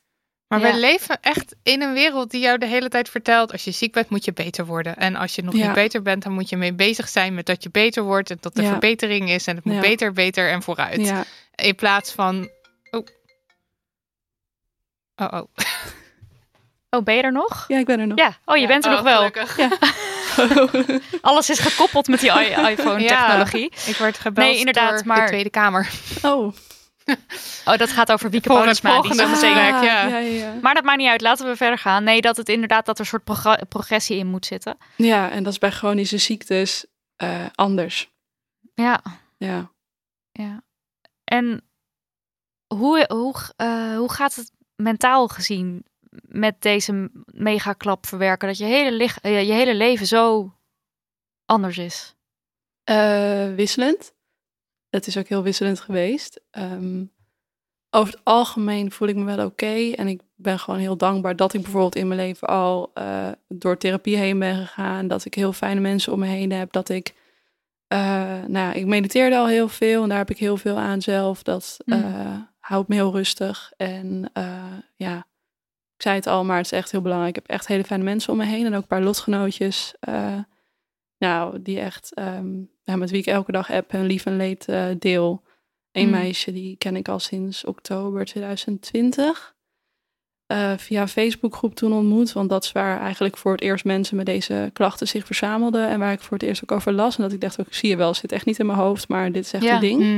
En toen plaatste zij daar een oproepje. En sindsdien zijn we met elkaar in contact. En dat is echt een super goede vriendin geworden.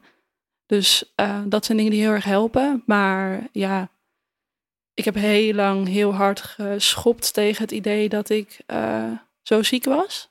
Ja. En ehm, sorry. Ja, Ja. dat is helemaal oké. Ja, je neemt eh, beetje bij beetje neem je iets meer afscheid van dingen. In het begin Ja. denk je nog, nou weet je, geef me nog een paar maanden, dan ben ik er wel weer. Daar heb ik me heel lang aan vastgehouden, dat ik dacht, oké, ehm, ik moet nog uithouden tot ongeveer dan. En dan zal ik wel Ja. weer beter zijn. En elke keer als ik zo'n deadline voor mezelf had gesteld, kwam die en was het helemaal niet beter. Ik ben ook een hele tijd achteruit gegaan, omdat ik structureel te veel bleef doen en mezelf verder uitputte en eh, daarmee de klachten alleen maar erger maakte. Totdat op een gegeven moment ook het ziekenhuis, eh had ik weer eens aan de lijn en zei, een fantastische vrouw die toen ehm, drie kwartier om me in heeft gepraat en gezegd, Heesje, je moet stoppen met werken. Zie je moet stoppen met werken. Je moet stoppen met werken. Je moet helemaal rust nemen. En toen op een gegeven Ja. moment, ja, toen brak ik. En toen dacht ik, ja, fuck, je hebt gelijk. Maar Ja. ik wil niet. Maar ik moet wel. Maar ik wil Ja. niet. Nee. Want daarmee ja, geef je eigenlijk alles op wat je nog soort van hebt. En ja, wie je bent. En dat is gewoon heel kut. Ja. tuurlijk. En het bizarre is dus dat mensen in de veronderstelling zijn dat mensen dit zouden faken omdat ze dan niet hoeven te werken. Terwijl als je iets nu zou. Als ik nu tegen jou zeg, je mag nu drie weken fulltime gaan werken, dan spring je een gat in de lucht. Ja, ik mis het echt gigantisch. Nou, wat je, Ja. ook dan wel de gisteren. Ik heb dat met zoveel plezier gedaan. Ik vond dat zo leuk Ja. om te doen. Ik bedoel, het feit dat ik... Ik werkte gewoon 32 uur per week. Maar daarnaast wilde ik nog meer doen. Omdat ik mijn werk gewoon zo leuk vind. Ja, en Ja. ik zou dolgraag gewoon de hele tijd aan het werk zijn geweest. Ik baal ook. Want ja, ik ben psycholoog omdat ik het fijn vind om iets te kunnen doen. Ik vind het fantastisch om met mensen te werken. En om ons verder te kunnen helpen ergens mee. En dit is een tijd waarin dat natuurlijk centraal... Ja, waarin ik daar heel veel in had kunnen doen. En ja, ik vind het super kut dat dat niet kan. Ja. tuurlijk. En waarom zou inderdaad een groep, een groep mensen die gewoon levens en vitaal en weet ik wat, dit faken? Waarom Ja. zou je Ja, dat? Waarom? Ik, ik heb geen idee. Nee, en ik vind het ook dus heel jammer dat mensen zo denken. En dat Ja. dat dus een opvatting is die we hebben over andere mensen. Ze zullen wel het faken Ja, omdat niet ze willen ergens onderuit werken. willen komen. ja, Denk ik, eh, het wantrouwen is zo hoog blijkbaar dat we zo, Ja. zo naar Ja. elkaar kijken. Is, eh, ja. was laatst jammer. ook die verschrikkelijke quote in het parool van een hoogleraar die zei dat alle horrorverhalen, breed gedeelde horrorverhalen over twintigers die maandenlang in hun bed liggen, zullen leiden tot meer long-covid gevallen. Dus dit was een, ja, dit is echt, nou En echt. dan, dat, dat- zij suggereert dus echt dat je het jezelf aanpraat door maar genoeg te lezen over mensen die in die situatie zitten of zo. ja. Ik vind dat zo nare. Ik las een goede vergelijking van mensen die zeiden: Het is ook niet zo als we meer over hartaanvallen, over kanker, Ja, over gebroken klopt. botten gaan schrijven. Dan komt het ook echt niet Ja, meer voor. Maar dit, omdat, omdat dit dus niet begrepen wordt, omdat hier dus, Ja. weet ik veel, de, de, We kunnen het niet zwart op wit niet... krijgen. We kunnen geen cijfertjes aan je geven. We kunnen niet ons bloed laten prikken en laten zien: dit is er mis. Dit dus is dan. Nee, Ja. dan zal En het dan wel telt niet. het niet. Dan zal het wel in je hoofd zitten. Ja. Ook, al, ook al geef je heel je leven op, Ja. blijkbaar, om maar, om maar onder je werk uit te komen. Of ja, zo. en Ja. juist dat feit dat we zo weinig weten en dat ik geen idee heb hoe lang ik hier nog mee moet zitten, dat er geen behandeling is, dat het allemaal zo, dat is juist een van de zwaarste dingen hieraan. Tuurlijk. En dat ja. is, eh, ja, ik, ik kan me gewoon geen situatie voorstellen waarin mensen zich dat zelf aan zouden praten. En dat, Nee.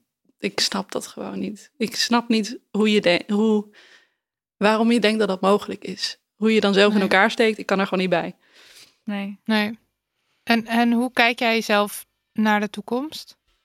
Ehm, eh, ja, die is heel eh, leeg eigenlijk. Ik heb best over nagedacht de afgelopen dagen. En ehm, het is ook een beetje wat ik zei, dat je steeds verder een stukje loslaat. Dus werk en weet ik veel wat. En dat perspectief van, ja, maar dan ben ik weer beter.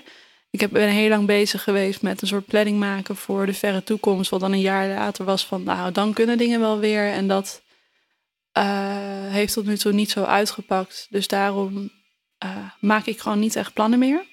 Nee. Niet dat mijn leven helemaal stilstaat hoor. Ik vul het echt nog wel op. Zo, ja, voor zover dat gaat in. En het is echt niet alleen maar misère. Maar ehm, het helpt niet. Het helpt mij niet om plannen te maken. Want ik stel mezelf onrealistische doelen. En ik stel mezelf teleur. Dus het is nu een ja. soort van... Oké, ik hoop dat ik eh, dit jaar voorzichtig iets kan opbouwen in werk. Dat hoop ik. Ja. Dat is een beetje mijn doel. Ja. Ja. En er was ook iemand die vroeg: Heb je do's en don'ts? Ik denk dat dat iemand was die zelf ook long COVID heeft. Ehm, dus do's en don'ts voor het omgaan ermee dan. Ja, en misschien ook van dat je hebt gemerkt van als ik dit of dat doe, dat werkt juist heel erg niet. Je- Ehm, ja, nou ja, wat mij uiteindelijk wel echt heel veel, zeg maar, ik heb wel baat gehad bij ergotherapie. Ehm, ik had een hele fijne ergotherapeut die me echt, ja, samen met dus die eh fysio van het ziekenhuis met wie ik belcontact heb. Die twee hebben me echt eh, met de neus op de feiten gedrukt dat ik meer rust moet nemen en dus ook mijn Mhm. dagen in rust op moet delen. Dus van rustmoment naar rustmoment. Ook op momenten dat je nog niet denkt van nou, eh, ik voel me super slecht, gewoon rusten. Dus ik, ehm, ja, ik lig vier keer per dag, denk ik, op bed om gewoon zonder schermen. Ik doe dan heel veel yoga nidra. Dat is gewoon een soort body scan plus. Uh, om dan echt alleen maar te ontspannen. Mhm. En um, ik heb veel meer om hulp leren vragen. Dus uh, dat is heel fijn. Ik deel ook heel veel. Het is moeilijk om echt te delen hoe het met je gaat en dat te blijven delen. Want ja, ik voel me snel een last naar mensen toe dan. Want ja, ik ben nu al bijna twee jaar ziek en het is nog steeds hetzelfde verhaal. En ben gewoon heel vaak niet zo vrolijk. En mijn dagen zijn niet gewoon niet zo boeiend. Maar dat betekent niet dat uh, je moet stoppen met dat delen. Want het binnenhouden is gewoon heel kut. En dat helpt niet. En dan voel je je alleen en uh, dan wordt het gewoon zwaarder. Dus uh, ja, lotgenootjes. Dus daar helpt, dat helpt, want je zit er samen in. En dan is delen ook makkelijker. Maar ehm, ja, ook je omgeving dus durven vragen van... hé, hey, wie kan er vanavond eten voor me regelen? Want het lukt me niet om te koken. Ja. Uh, of uh, kan iemand een uurtje naast me komen zitten dit weekend? Want ik heb gewoon heel erg behoefte aan gezelschap, maar kan niet zoveel. Ja. Dat soort dingetjes. Uh, ja. Dat is het eerste wat in me opkomt, denk ik. Ja, het is ook belangrijk voor mensen die om long-covid-patiënten heen staan... om, om connected te blijven. Ja, zeker. En, en om is, in te checken. Ja, en... Precies. En je kan echt wel betrokken blijven bij elkaar. Uh, en het is heel lastig, kan ik me ook voorstellen als vrienden van, want je kan heel weinig. Je bent met z'n allen gewoon best wel machteloos. Maar ja. Um, ja, gewoon oprecht even aandacht besteden aan de vraag hoe gaat het met je? En Ja. dan ja, daar, daar echt, ja, het is gewoon, het is lastig. Ik snap dat het soort van voelt van ja, maar kan er niks mee. Maar ja, het even echt aanhoren en doorvragen. En eh, dat, is, dat is echt wel heel fijn. En dus vragen van wat kan ik wel voor je doen als, eh, ja, want er is vast wel iets. En ik krijg bijvoorbeeld regelmatig eh, een keer een kaartje van iemand. Of ik heb een vriendin die heeft me nu al vijf keer bloemen gestuurd of zo, weet je wel. Dat is gewoon super lief. En dan, ja, dan komt er een huilbui en dan ben ik daarna weer even heel blij. Ja. Ja. dus eh, en ja. je zit natuurlijk ook op Tenerife. Merk je daar Ja. verschil in? Ja, nou, vorige winter was één grote terugval voor mij. Eh, toen waren mijn klachten echt op een, op een, ja, een heel hoog niveau, zeg maar, mijn klachten. Mhm. Ehm, en de winter is sowieso als je longklachten hebt en zo al een zware periode. En ook voor je immuunsysteem. En dit is ook gewoon iets met je immuunsysteem. Dus ik dacht, ik, ik wil dat niet nog een keer, nog zo'n gouden winter in mijn eentje op de bank liggen, niet kunnen ademen. En eh, ja, kan ik niet ergens heen. En toen heb ik overlegd met bedrijfsarts en met mijn manager. En met mijn ouders, die zijn de eerste week meegegaan hierheen om me te helpen. Want in mijn eentje zou ik het niet redden. Mhm. En nu zit ik in een Airbnb op Tenerife en eh, doe ik hier gewoon heel rustig aan. Maar ik merk wel Ja. dat eh, mijn lichaam rustiger is dan in de kou en de gure weersomstandigheden. Dus dat is wel heel fijn. Ja. Maar echt, ja, ik ben hier nu twee weken, dus ook nog niet zo lang. En ik de eerste week was ook heel erg bijkomen. Maar ehm, ja, ik, ik denk dat het een goede keuze was. Alleen al mentaal is gewoon heel fijn. ja, Ja. daglicht ook en ja, zo. en even in een andere omgeving zijn, dat is ook Ja. gewoon heel fijn. En je mm, eh, werk, want je werkgever denkt dus nog, die, wer- die denkt fijn mee, begrijp ja, ik. absoluut. Ja, ik heb echt, nou ja, ik heb gewoon ik heb een hele fijne werkplek. Dat, eh, dat wist ik al, maar dat is nu alleen maar veel duidelijker geworden nog. Die, eh, mijn manager die was vrij nieuw bij ons, net een paar maanden toen, toen ik ziek werd. Dus ik kende er nog amper. Ehm, eh, maar zij komt uit de revalidatiewereld hiervoor. En zij had eigenlijk eerder dan ik door dat ik ziek was. Eh, Mm. En dat dit niet zomaar even ja, een kleine nasleep was. Dus zij is eigenlijk vanaf het begin ook een hele grote steun geweest. En zij zoekt ook heel erg met mij naar van... Wat wil je? Hoe kan ik je steunen? Wat vind je prettig? Hoe houden we, je een beetje verbonden met de werkvloer? Eh, als je dan gaat opbouwen, wat voor werkzaamheden zijn dan fijn? Dus die is echt, eh, die probeert heel erg het, het makkelijker voor me te maken. Dus Wat dat is echt super fijn, ja. Ja, want ik las ook weer eh, dat de eerste mensen met die, die long covid hadden, dus nou ja, net als jij eigenlijk in maart 2020, dat die natuurlijk nu er tegenaan gaan lopen dat op een gegeven moment Ja. de regelingen met werk af gaan lopen. En Ja. dat je dan, ja, waar kom je dan? Daar heb je natuurlijk Ja. ook nog nooit over nagedacht. Nee, het is ook allemaal nog een beetje wazig voor mij. En ik heb dan een soort van de mazzel dat ik dus kort hersteld ben geweest en pas vanaf juli ergens echt eh aaneengesloten ziek ben gemeld. Mhm. Dus mijn twee jaar gaat dan in. Ja. Eh, maar ik heb inderdaad al wel eh, arbeidsdeskundig, pff, hoe heet het ook weer, arbeidsdeskundig onderzoek of zo moeten doen. Ik krijg Ja. nu een reïntegratiecoach eh, die me voorbereidt op sport 2. eh, maar ik vergeet dit wat het inhoudt, want ja, je geheugen is ook gewoon veel slechter. En los Mhm. daarvan, ik weiger ook me er heel erg in te verdiepen, omdat ik het heel ingewikkeld en vermoeiend en verwarrend vind.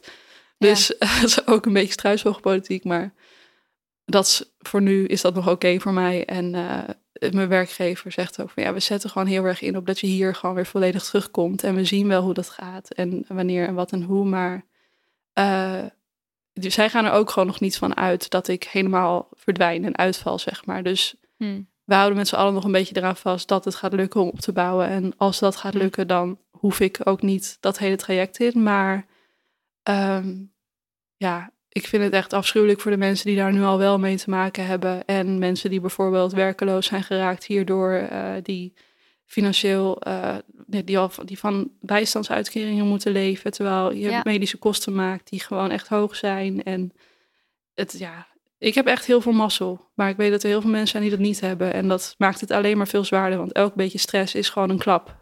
Ja, Precies. precies. Ja. En dit is natuurlijk de ME-groep die al langer met eh, deze, in deze situatie zit. Daar hebben we ook wel verhalen van gehoord, Ja. van het UWV en Ja, het het is constante wantrouwen eigenlijk tegen je. Ja. Ja. En hoe de overheid Je omgaat. moet je de hele Met tijd zieke mensen, verantwoorden. ja. En de hele Ja. tijd moet je weer opnieuw eh, aan een kruisverhoor onderworpen worden van... ja, eh geloof Ben je wel ziek genoeg? Ben je wel ziek Ja. genoeg?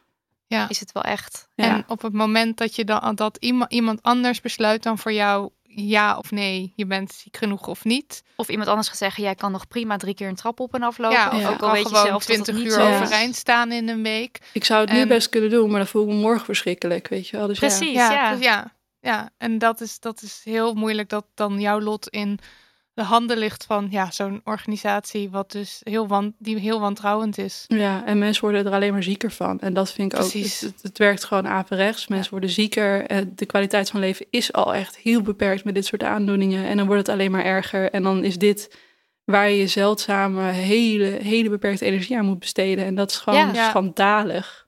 Dat is echt, echt woest, woestmakend. En Ja. ik hoop ook echt dat we zo, als het, als het allemaal doorgaat, als we met Lieke zo meteen Ja. gaan praten, Ja, die dus in de politiek hiermee bezig is, ben ik heel benieuwd wat haar antwoord is als we vragen over ja. nou, regelingen en hoe, we, Ja, nou en hoe er omgegaan wordt met mensen. Ja. Ja. Is er iets waarvan jij denkt van nou, dit en dit zou, heb ik nodig. Of dit kan de overheid voor mij doen. En dat zou echt onwijs helpen. Of dit kunnen artsen doen, dit kunnen vrienden doen. Nou ja, geef mensen gewoon een diagnose en zorg dat instanties dan richtlijnen hebben van hoe handel je daarnaar. Neem Ja, gewoon ja. die, neem eh, instanties de ruimte weg om ons in twijfel te trekken. Want Precies. dat is gewoon echt niet oké.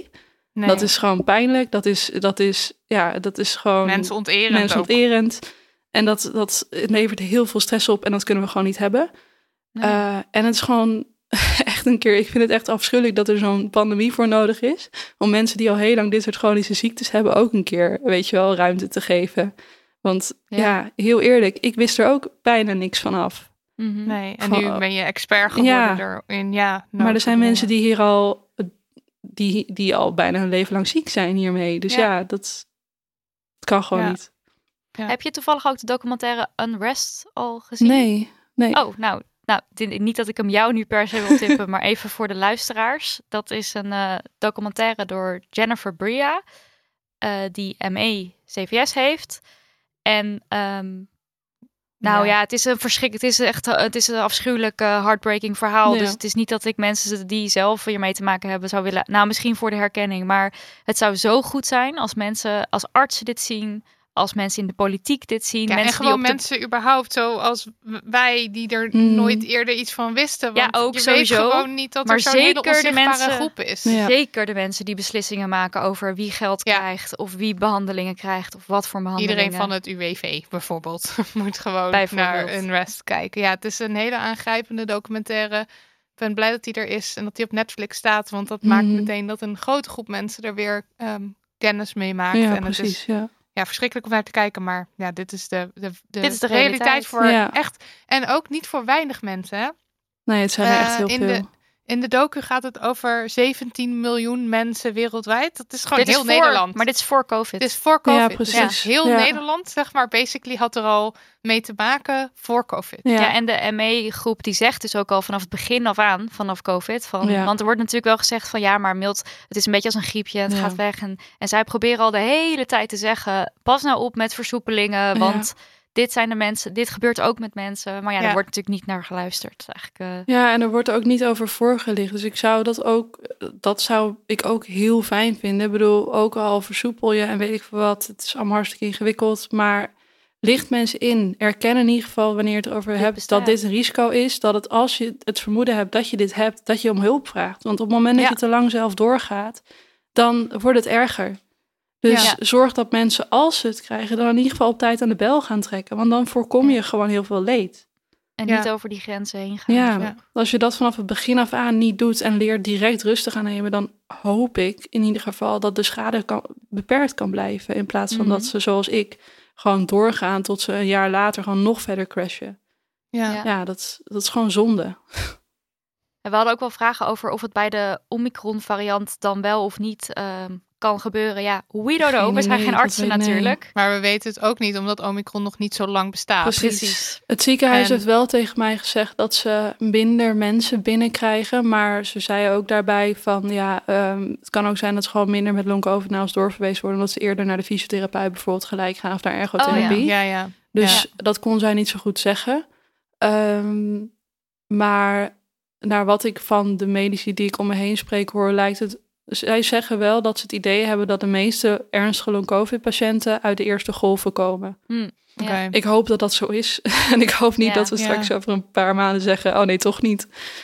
Ja, Ehm, en dat, ja, ja. dat zou kunnen, want Omicron is er gewoon nog niet zo heel erg lang. En, ja. Ja. en het is natuurlijk ook, want eh, we hebben het over Omicron als een hele milde variant. Maar ja, jij had een hele milde variant. Ja, Of precies. een milde, Semi-mild. semi-milde Ja. Ziekte, ziekteverloop eh, toen je COVID had. Dus dat zegt gewoon helemaal niet zoveel. Nee, we weten het gewoon niet. En ja, ik snap dat beslissingen nemen ontzettend ingewikkeld is. Maar je, ik vind dat je het mensen verschuldigd bent om ze in te lichten over dat het risico hierop ook gewoon heel groot is. Precies. En dat, Ja. dat mensen dan weten wat ze moeten doen. Ik Ja. heb zo vaak mensen om me heen. Dat ik schrik als ik mensen hoor zeggen: Ik heb nu COVID. En die zijn dan nog heel moe, maar ze gaan alweer aan het werk. Dan moet ik echt. Dan zeg ik, dan, ja, ik, ik wil niet te vervelend zijn, maar ik ben ze constant aan het waarschuwen van pas nou op, ga niet te snel Ja. je grens over, want je weet niet, je weet het niet. Wees nou voorzichtig. En niemand anders waarschuwt ze. Dus ja, het zou ook fijn zijn als andere mensen dat wel gingen doen, want ik voel me daar nu soort een beetje verantwoordelijk voor. Niet dat ik dat ben, maar als ik dat nu dus hoor, dan denk ik shit, oké, weten ze dit wel? En ze moeten het Ja. wel weten. En ja. ja, Ja, het is een soort van alsof jij, hoe noem je dat, uit de, de, de Matrix, zeg maar. Jou, jou, jij, jij weet de waarheid en je wil gewoon zo graag andere mensen ook behoeden daarvoor. ja, zeker. En we hadden dus ook iemand die vroeg van... heeft het zin om naar de huisarts te gaan als je na zes maanden nog steeds buiten adem bent? Maar dan zou jij dus ook zeggen van trek zo snel mogelijk aan de bel. Ja, als je nog helemaal geen hulp hebt, dan zou ik dat zeker doen. Dan zou, maar vooral ook om eh, wel steun om je heen te organiseren. Want ook al is er niet echt ehm, een medicijn, het is wel Mhm. heel fijn om het niet alleen te hoeven doen. En Ja. wat ik zeg, voor mij is de ergotherapeut belangrijk geweest. Het ziekenhuis is uiteindelijk ook belangrijk voor me geweest. Mijn fysio, ik heb daar heel lang getraind. In de eerste vier, vijf maanden of zo. Dat heeft uiteindelijk alleen maar averechts gewerkt. Maar uiteindelijk is zij dat wel... dan... Hm? Was dat zo'n training dat ze dan eigenlijk je grenzen juist gaan opzoeken? Wel heel voorzichtig. Ze had wel door van oké, Hmm. we moeten het niet te hard doen. Dus ze was ook met mij heel erg mijn grenzen aan bewaken.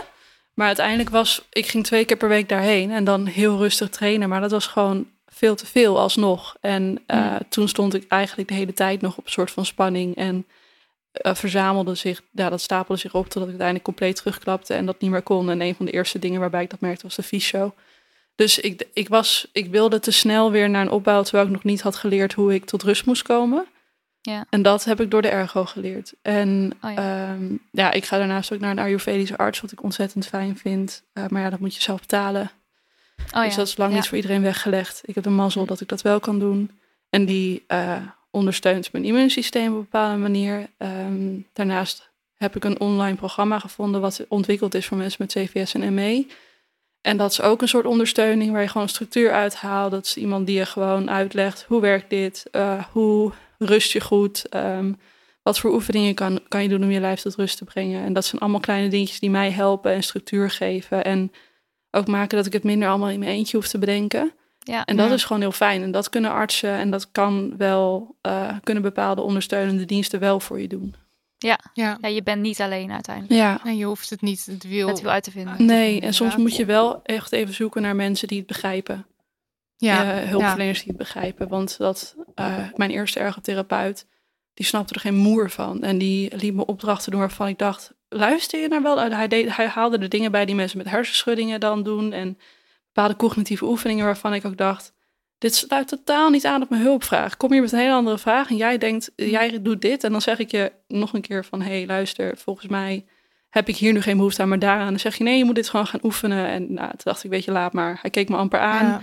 Hij was eh, na een half uur de kamer weer uit. Ik dacht, heb je me gezien überhaupt of niet? Weet je, dus ja. vertrouw ook een beetje op jezelf. Dat als je denkt van, dit klopt niet, dat het dan ook niet klopt. En dat je een ander mag zoeken. Ja, Ja, dat, ja, eh, absoluut. Ja. Ja, Neem die ruimte ook, Ja. ook gewoon. Ja, want niet iedereen is hier goed in. nee. Nou, Dankjewel, Saisha. Ja, heel graag eh, gedaan. waardevol en ja. Ja, een diepe zucht. Ja, nee, heel veel dank. Ook omdat we weten dat dit jouw energie ook weer... eh, dit Ja. kost jou ook energie. En hier zal je waarschijnlijk ook weer van bij moeten komen. Dus heel veel dank dat je voor ons dit eh, wilde doen. Ja, graag en ik, gedaan. Ik, eh, hoop eh, dat mensen die luisteren en dat jullie er wat aan hebben. Ik, eh, Ik weet denk het eigenlijk wel zeker, zeker, want ja. er waren veel mensen die reageerden. eh, ook veel Ja, dat eh, patiënten, denk ik. eh, Ja. en mensen die lotgenoten zouden zoeken... die kunnen dus het best via Facebookgroepen daar... Ehm, ik weet niet of die groep nog bestaat. Ik heb zelf Facebook alweer een tijd verwijderd, omdat ik op een gegeven moment zelf dacht, het is wel goed. Ja. En ik heb nu mijn clubje. Ja. Ehm, Maar weet je, we kunnen wel ja. mensen die ook die, die onderling elkaar op willen zoeken, Ja, die mogen ja. ons gewoon mailen of. DM'en en dan kunnen we mensen aan elkaar koppelen als Ja, die ja, het is behoefte wel een mooi is. idee. Want als, ja. En er zijn ook wel wat programma's zoals eh, Zing je sterk. Dat is dan, ja, weet je, het doet fysiek. Voor mij deed het niet echt wat. Maar dan kom je met een clubje lotgenoten een paar keer een uurtje bij elkaar om... ehm, eh, ja, dan met ademhalingsoefeningen en zang dingen te doen. En dan heb je dus ook een soort van lotgenotengroepje. En daar zijn ook wel wat mensen eh, die met elkaar in contact zijn gebleven, geloof ik. En ik zag ook dat bijvoorbeeld GGZ-instellingen nu beginnen met een soort van groepen maken. Maar Oh ja. Hm. ja, ik moest wel lachen en huilen. Want eentje daarvan eh had dus een programma van vijf sessies van twee uur bedacht, dacht ik. Oh ja, ik heb dat- ook maar gereageerd dat kan van, jongens, niet. ik weet niet Ja. welke long-covid-patiënten jullie bedoelen, maar het grootste deel van de groep gaat dat nooit trekken. Ja. Dus eh, goed initiatief, maar misschien ja, kan de uitvoering wat beter. Zo maar zie je goed, maar weer, ja. er is echt nog zoveel te leren. Ja, ja. God. En soms is de goed. wil er dus wel, maar ja. Ja. Nou, dankjewel. Ja, jullie ook. Gast nummer twee is digitaal bij ons aangeschoven. En het is Wieke Paulusma, Kamerlid voor D66. En ook zij heeft aan een corona-infectie long-covid overgehouden. Wieke zet het onderwerp long-covid momenteel op de politieke kaart. En probeert geld vrij te maken voor onderzoek en een beter lotgenotennetwerk. Welkom Wieke. Dankjewel. Hallo. Eh, fijn trouwens dat je tijd vrij kon maken in je drukke bestaan voor ons. En ehm, we hebben net al uitgebreid gesproken met Saisha. En die, zij is nu bijna twee jaar ziek. En heeft een ernstige vorm van, eh, van long-covid, waardoor ze nu niet meer kan werken. Ehm, hoe uit long-covid zich bij jou? Ja, dat ik heel moe ben en eigenlijk Hmm. ook niet fit word. Eh, ik heb een hele slechte baan voor long covid. Ja. Ja, Eh, 24 uur, eh 7 uur per dag als je niet oplet. Ehm, dus ik ben eh, moe eh, en dat trekt niet bij. En ik heb ook, toen ik ziek werd, eh, kreeg ik hele pijnlijke benen en ook handen. En dat is ook niet overgegaan. Eh, en ik heb net trap gelopen en dan ga ik eerder hier naartoe eh, om daarvan bij te komen, want anders kan ik niet met jullie praten. Ja. nee. Ja, is het dan ook zo dat jij, eh Saisha vertelde over dat ze kan instorten nadat ze eh, mentale of fysieke inspanning heeft gehad? Heb jij dat dan ook bijvoorbeeld als je wel een keer een vrije dag hebt, dat je dan eraf ligt? Ik heb het weekend wel nodig om echt Ja, bij precies. te komen. Hmm. Ja. Ja, dus en dat is wel, want ik ben nu een jaar verder en in het begin kon ik, ja, moest ik alles laten gaan om de dingen wel te kunnen doen die moesten, want ik heb ook twee kinderen. Eh, en dat wordt nu wel iets beter, maar ik heb ja, ik ben niet degene die ik was voordat ik corona kreeg. Dat is heel frustrerend en dat is ook heel verdrietig. Ja, Ja. ja. Ehm, en, en er is nog er is heel veel ehm, onduidelijkheid over, over de ziekte. Wat weten we wel over long COVID? Nou, we weten dat het een heleboel mensen treft. Eh, ik denk dat we twee jaar lang heel erg bezig zijn geweest met de crisis. eh, en de zorg en alles wat dichtging en de school die dichtging. En ja, dat eigenlijk mensen die corona kregen... Nou ja, we hebben eigenlijk ook heel weinig aandacht voor de nabestaanden gehad. Want dat liet de crisis eigenlijk ook niet toe. Maar we hebben ook heel weinig aandacht voor mensen die niet beter worden. Hm. Eh, en ik denk dat dat deels komt doordat je in een crisis zit met elkaar. En ook deels omdat we heel lang niet gedacht hadden dat dit zou gebeuren. Ja. En er ook heel lang geen onderzoek gedaan is. Wel naar, nou wat gebeurt er nou eigenlijk op de intensive care? Eh, en er is wel onderzoek wordt er gedaan naar mensen die op de IC hebben gelegen. Maar dat deden we altijd al in de zorg. Hoe kom je daar nou af? Eh, maar ik denk dat mensen dit gewoon zich niet gerealiseerd hebben. Dat het niet alleen corona is, maar dat je dus ook niet kunt herstellen. En dat besef is nu echt wel heel groot. Eh, ook omdat uit onderzoek blijkt dat echt heel veel mensen klachten overhouden. Hm. Ehm, en we nu ook in een fase zitten dat de eerste mensen uitvallen en niet meer aan het werk kunnen. Dus het probleem wordt nu groter dan alleen in de huiskamer van mensen zelf. En, en hoeveel procent van, eh, van de mensen, eh, hoe groot is de groep? Ja, er wordt in Nederland nog niet heel lang onderzoek naar gedaan. Maar ik heb een ronde tafel georganiseerd in de Tweede Kamer eh, vorige week. En daar waren de eerste voorzichtige cijfers ook vanuit het UMCG in Groningen... dat het 1 op de 8 mensen treft die corona heeft gehad... die na een jaar nog minstens één serieuze, heftige klacht heeft... Eh, en ik denk dat de groep van mensen die meer dan één serieuze, heftige klacht overhoudt... nog veel groter is. Heb je daar ook iets gezien over ehm, vrouwen? Cis-vrouwen versus cis-mannen? Omdat we, wij lezen wel dat het veel vrouwen treft. Is Ja. dat iets wat je ook herkent, ja? Ja, nou kijk, ik zei bewust in Nederland is nog niet heel veel onderzoek gedaan, in het buitenland wel. Eh, dus ik heb ook al een aantal keren aan de minister gevraagd, ja, je hoeft niet het wiel steeds opnieuw uit te vinden. Eh, kijk nou gewoon naar Engeland, die populatie Ja. is heel erg anders dan wij zijn. Ehm, dus leer van die ervaringen, dat wordt nu steeds meer gedaan, gelukkig. Maar je ziet dus dat het veel meer vrouwen treft eh, en veel meer jonge vrouwen treft. Mhm. Ehm, en waarom dat zo is, ja, dat weet men eigenlijk nog niet zo goed. Nee. En ehm, want wat zou, hoe zou je long COVID definiëren? Eh, heb je daar een definitie voor of niet? Als, je, als ik nu zou zeggen, wat is long COVID? Wat, of hou je het dan op langdurige klachten na corona? Nou, ik denk dat dat geen recht doet aan wat mensen overkomt. Eh, want dan lijkt het een beetje als, alsof je, als je het uit zou zitten, dat het dan overgaat. Eh, en ik denk dat dat zeker voor de mensen die al twee jaar ziek thuis zitten, ja, dat kun je bijna niet meer langdurig noemen. Eh Nee. Dat ook geen recht aan de. Want ik, ja, ik spreek heel veel mensen die ziek zijn. Eh, het verwoest gewoon je leven. Ja. Eh, Ja. Het heeft impact op je gezin en op je baan. En ja, als je je niet gehoord en gezien voelt, niet bij de huisarts of bij de specialist, en dat wordt wel steeds een beetje beter, maar we moeten nog zoveel doen op dat vlak. Ja, dan is langdurig eigenlijk niet het goede woord. En je zou het Nee. een beetje. Ik heb ook veel. En er zijn ook veel mensen die mij aanschrijven die eh, ME hebben of die eh Q-koorts hadden of ehm, eh, de ziekte van Lyme hebben. Het lijkt heel erg op dat soort. ja, en dan twijfel ik een beetje aan het woord ziekte. Niet omdat ik dat, dat woord niet wil gebruiken, maar omdat we dat eigenlijk ook nog niet goed gedefinieerd hebben en Ja. geen behandeling voor hebben. En daar ook een heleboel mensen van zeggen: ik wou dat er zoveel aandacht was voor ME als dat het is voor long COVID. Ja. Dus ik denk dat dit ook wel een begin is van eh, een veel groter gesprek. Ja, En heb jij het idee dat dat zo is? Dus dat er al meer aandacht komt? Want wij, wij spreken zelf ook regelmatig met ME-patiënten. En we weten hoe on- onwijs veel wantrouwen er is tegen deze Ja. groep. Ook bijvoorbeeld vanuit het UWV. Financieel veel problemen, veel stress. En dit is iets, nou, wij kunnen hier ons vrijwel dagelijks echt woest om maken. Dat hier vanuit de overheid ook niet meer aandacht voor is. Komt die aandacht er nu?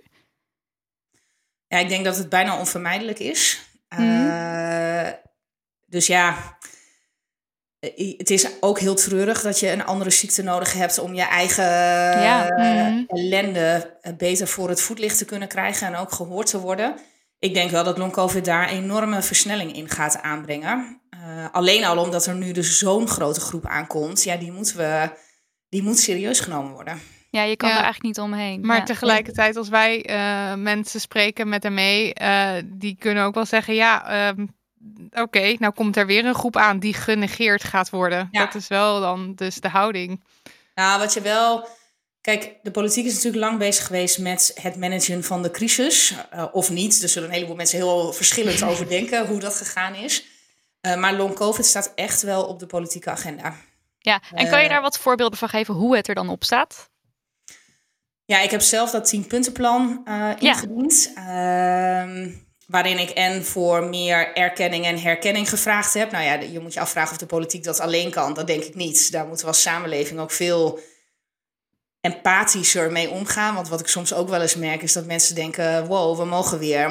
Eh, de regels gaan eraf, vrijheid, blijheid. En nu is het klaar. Terwijl ik denk... Ja, als je een beetje met een empathische bril naar buiten kijkt... is dit voor een heleboel mensen helemaal geen vrijheid, blijheid. Want Nee. die zitten gewoon ziek Nee. thuis. Dus erkenning en herkenning gaat verder dan wat de politiek alleen kan doen. Eh, maar ik heb ook eh, voor meer geld gevraagd voor onderzoek. En dat is er ook gekomen, bijna 8 miljoen.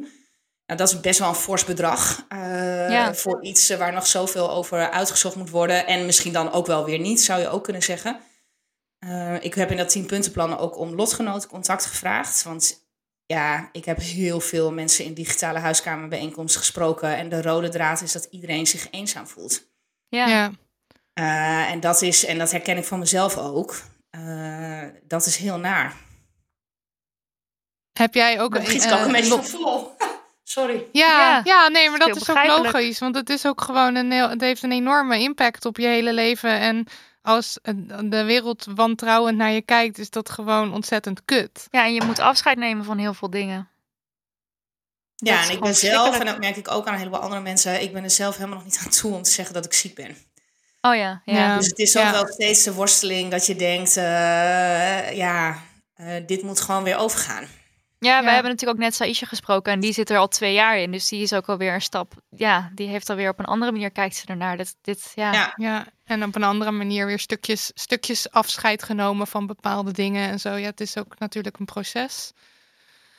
Eh, maar ja, wel ontzettend kut. En ehm, Ja, waar waren we? Bekendheid hebben we, praten, erkenning, onderzoek hebben we gehad. En Ja. dus behandeling. Dat is het derde, het derde ding wat in je tienpuntenplan... eh Ja, en wat we, waar moeten we dan aan denken? Want er is nog heel weinig bekend over wat, we, wat, er, wat er kan, toch? Ja, er is een Qua richtlijn in behandeling? ontwikkeling waar een heleboel eh, eh, mensen aan eh, werken en gewerkt hebben. Zodat als je bij de huisarts komt, je niet eerst dit hele gesprek hoeft te doen. Precies. Maar dat, Mhm. ja, want dat is natuurlijk super frustrerend. Ja. Als je continu moet uitleggen dat je leven er heel anders uitziet. En dat je daarbij graag bij geholpen wilt worden. Want het is niet alleen erkenning, je wilt ook gewoon geholpen worden. Ja, Uh, dus die richtlijn is super belangrijk. aan de andere kant, en dat zei ik ook tegen, tijdens die ronde tafel, ja, die richtlijn kan niet in beton gegoten zijn, want we weten nog te weinig. Dus die Mhm. moet, ja, hoe noem je dat, dynamisch zijn. We moeten met nieuwe onderzoeksinzichten die richtlijn ook kunnen aanpassen. Want je ziet nu ook, eh, ik heb gerevalideerd. En dat heeft me een beetje geholpen. Maar ik heb ook heel veel op eigen kracht moeten doen. Voor een heleboel mensen heeft de revalidatie en fysiotherapie ze zelfs slechter ja. gebracht dan dat ze waren. Dus voor mij is ook wel een speerpunt de komende tijd. Ja, die richtlijn geeft een houvast. Ook voor de arbodienst en voor het werk. Maar die moet, die kan niet af zijn, want we weten nog veel te weinig. ja. En, en dan, eh, je wil ook geld vrijmaken, of je hebt vrij, geld vrijgemaakt voor onderzoek. Ja. Eh, wat, zijn, wat, zijn, wat moeten we te weten komen over long COVID? Waar, eh, waar, waar, gaan, waar gaan de mensen naar op zoek? Nou, ik denk als je kijkt naar het onderzoek in het buitenland, zie je dat het echt heel veel schade aanricht. Dus heel erg in je, in je auto-immuunsysteem. Dus dat je eigenlijk je lichaam zo met ontstekingen bezig is of zo zich tegen het eigen lijf verzet. Ehm, ja, daar weten we nog veel te weinig van, maar dat is wel de data die uit het buitenland eh, naar voren komt. Ja, en dat is heel ernstig. Net als dat er, volgens mij was het vanochtend, eh, mensen die corona hebben doorgemaakt in de eerste lichting, dus heel ziek zijn geweest, hebben een significant grote kans op een hartaanval. Ja, ja. zijn we helemaal nog niet op voorbereid. Want wat doen we met die mensen? Moeten we die vaker screenen? Uh, moeten we meer uh, capaciteit uh, gaan organiseren voor dit soort type patiënten? Ja, ik weet het zelf ook nog niet. En ik hoop heel erg, en dat zei ik ook tijdens die ronde tafel, laat onderzoekers nou samenkomen. Want net als corona is long covid ook niet een andere ziekte in Engeland of in Zweden of Precies, in Nederland. ja. Zonde. wat zeg je? Zonde als we dat allemaal als Super land zonde. per land. En ook heel zonde als we onderzoeken vanuit de ME-hoek hebben. Om, daar dan, om dat dan eigenlijk weer allemaal weer opnieuw te gaan onderzoeken. Exact. Ja. Ja. Ik eh, zie jullie even niet, maar ik denk dat jullie Oh, mij nog wel horen. We, zien, we, we Ja, horen ja, jou nog we- wel, we zien jou ook. Dus dat, dat gaat nog goed. Geen paniek. Eh, waarvan zeg je van, nou, dit wil ik echt nog heel graag voor elkaar krijgen? Ja, ik, ehm, daar zitten een aantal korte termijn dingen en een aantal lange termijn dingen in. Ehm, ik wil heel graag dat we een oplossing vinden. En dat moet in de politiek gebeuren, maar ook daarbuiten voor mensen die nu tegen ontslag aanlopen. Eh, Want Ja, want jaar die groep thuis komt nu... zit- Ja, ja, en daar zit ook veel zorgpersoneel tussen. Ehm, nou, en dan merk je, kijk, dan kom je in systemen en dat is nooit makkelijk. Ehm, want we hebben het zo ingeregeld dat je na twee jaar eh, in de eh via terechtkomt en dat je je baan kwijtraakt. Ja, dat is eigenlijk onverteerbaar. Zeker als je Ja. het op je werk hebt opgelopen. En nou is dat super moeilijk aan te tonen. Maar ik vind, ik noemde net ook empathie. Eh, en systemen en empathie eh, rijmen misschien niet altijd even goed. Maar ik vind wel dat we hier een oplossing voor moeten ja. Ja, want, ja, want het, het systeem zoals het nu is ingericht is erg gericht op na twee jaar dus weer beter zijn. Ja. Eh, of in ieder geval beter worden. En, en het ziet er naar uit dat het langer, in ieder geval langer gaat duren voor veel mensen. Ja. Ja. Ja, En- we weten ook dat de systemen toch ook wel heel wantrouwend zijn. Dus dat er ook wel veel in zit van, oh, wij vinden dat je nog wel drie keer de trap op kan lopen Ja. en nog wel drie uur kan werken, Ja. terwijl dat in de praktijk gewoon echt niet waar is. En mensen Ja. na het bezoek van één arbeidsdeskundige al afgekeurd, of eh, juist gezegd wordt van, nee, maar dit kan je nog en dit kan je nog. Dat zijn zulke onwijs pijnlijke verhalen. Nou ja, en dat is. eh, en wederom, en dat, eh, we weten dus gewoon nog veel te weinig. En daarom vind Ja. ik het ook heel erg belangrijk om vanuit de politiek. Want ik vind het ook niet altijd even makkelijk om. eh, want ik sta in de Kamer soms ook eh, met deze waterige ogen dit verhaal te vertellen. Ja, Eh, en dat is niet altijd even makkelijk als je kijkt naar de reacties die er dan vervolgens opkomen. Want die zijn niet altijd steunend en heel gezellig. Waar moet ik dan aan denken qua reacties? Oh, het totale drek. Ja. Echt. eh, mijn vrouw zijn wordt erbij gehaald. Eh, als je nou afvalt, eh, dan was je niet zo ziek geworden. Eh, nou, dat. Echt Ja, totaal ja. sektistische ellende. Eh, maar ik merk doordat ik mijn verhaal vertel, dat, en dat moet niet van mij afhangen, eh, maar dat helpt wel. ja. Eh, en dat helpt ook in, eh, want ik moet dus eerder hier naartoe komen om bij te komen van dat traplopen. Terwijl ik elke Ja. ochtend wandel, eh, op de home trainer zit, eh, alles op alles zet om weer een beetje mezelf te worden.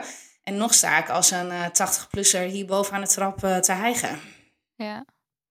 Ja, het is, het is gewoon een hele zware en heftige Ja. problematiek. En wij zijn eh, heel blij dat jij daar zit. En, en je hart maakt voor, Ja. ja. Nee, maar stel, Ja. stel maar eens voor dat je daar niet zat. Dan vraag, vroeg Ja. ik me af eh, wa- wat dan de situatie zou Ja. zijn in de politiek. Heb je misschien nog een laatste boodschap voor mensen die zelf long-covid hebben? Nou, dat je, en dat is altijd makkelijker gezegd dan gedaan, maar je bent niet alleen. Ja, En ik hoop echt dat mensen, ehm, hoe moeilijk dat ook is, ehm, en stuur mij een mail en die belandt eh, tussen een heleboel anderen, maar ik reageer. Hm. Eh, want je bent niet alleen. Ja. En er zijn een heleboel mensen die hier last van hebben.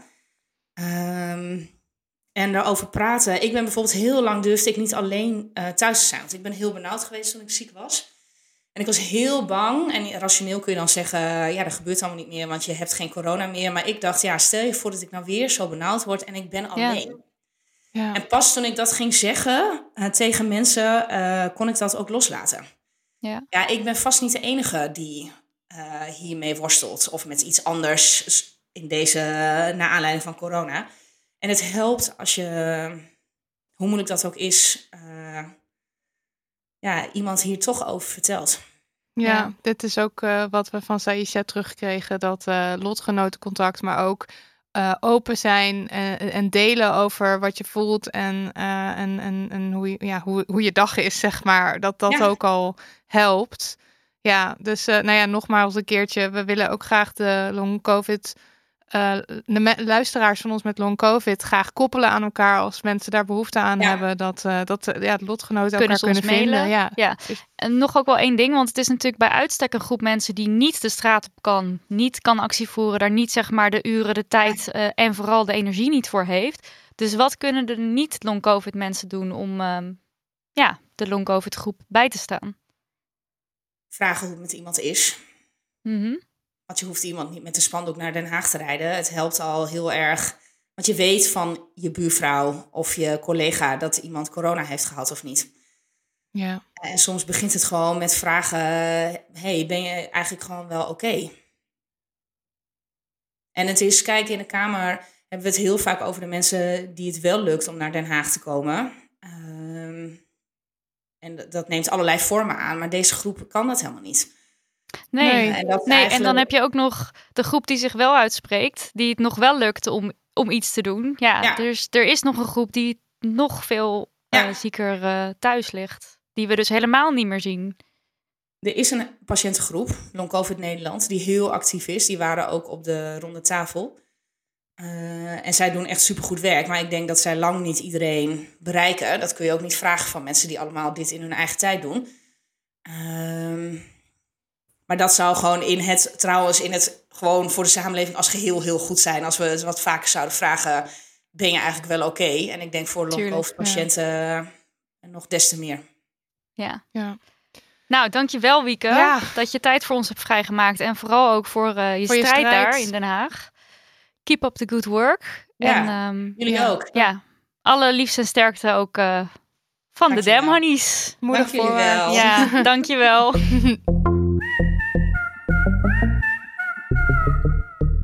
Surprise! We hebben een nieuwe sponsor, Surprise.me. En dat is dan dus het woord surprise, maar zonder klinkers. .me. Me op zijn Engels. Dus je zou kunnen zeggen surprise.me. M-E.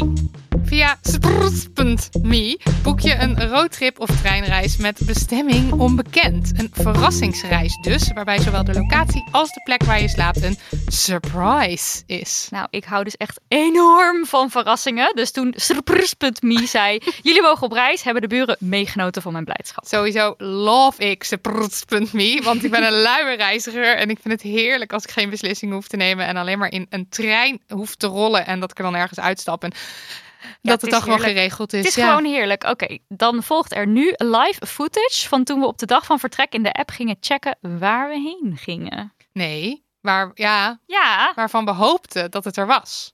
ja. Komt Oké, we gaan het zo meteen checken. Waar gaan we heen? Waar Wat hoop jij? heen? Eh, Oké, we weten dus niks. We weten alleen Nederland en met de trein. En Ja. ik hoop op een plek die gewoon al op zichzelf een lust voor het oog is, omdat er zoveel dicht zit. Ja, we kunnen niet naar het museum, we kunnen niet naar de horeca of zo, of zo maar gewoon een wand, dat je een wandeling doet, dat je denkt, ah, wat fijn, even een nieuwe omgeving, Ja. mooi. En dan wil ik Het ook... liefst Ja, met een zwemplekje. ja. Voor onze nieuwe obsessie. Maar dat gaan we sowieso fixen. We gaan op zoek naar een zwemplekje in Al de buurt. moeten wij 30 kilometer fietsen. Precies, of lopen, whatever, maakt niet uit. nou, stay tuned voor de bestemming van onze verrassingstreinreis, want die onthullen we in de volgende aflevering. Ook op Surprise Trip. We mogen nu 30 euro korting geven op alle Surprise roadtrips en Surprise treinreizen van minimaal 150 euro. Wel even boeken voor 30 juni 2022. En de korting wordt automatisch verrekend als je via de volgende link boekt. Dus pak je notitieblok er maar bij. Komt-ie? www.srprs.me slash korting slash damhoney.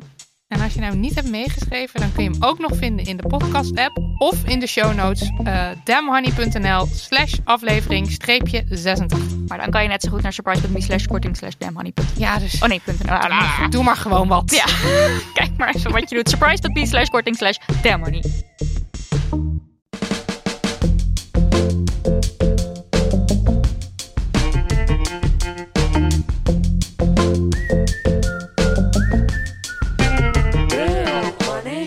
Afsluiter, de Damn Honey Yes. Ja, we Want gaan geen no doen. We hebben geen zin om een noot te doen. En trouwens, Wieke is blijven hangen, dus we gaan hier gebruik van maken. Want, Ja. Wieke, wat heb je zojuist gedaan? Wij hebben vandaag historisch de verplichte beraadtermijn voor vrouwen afgeschaft.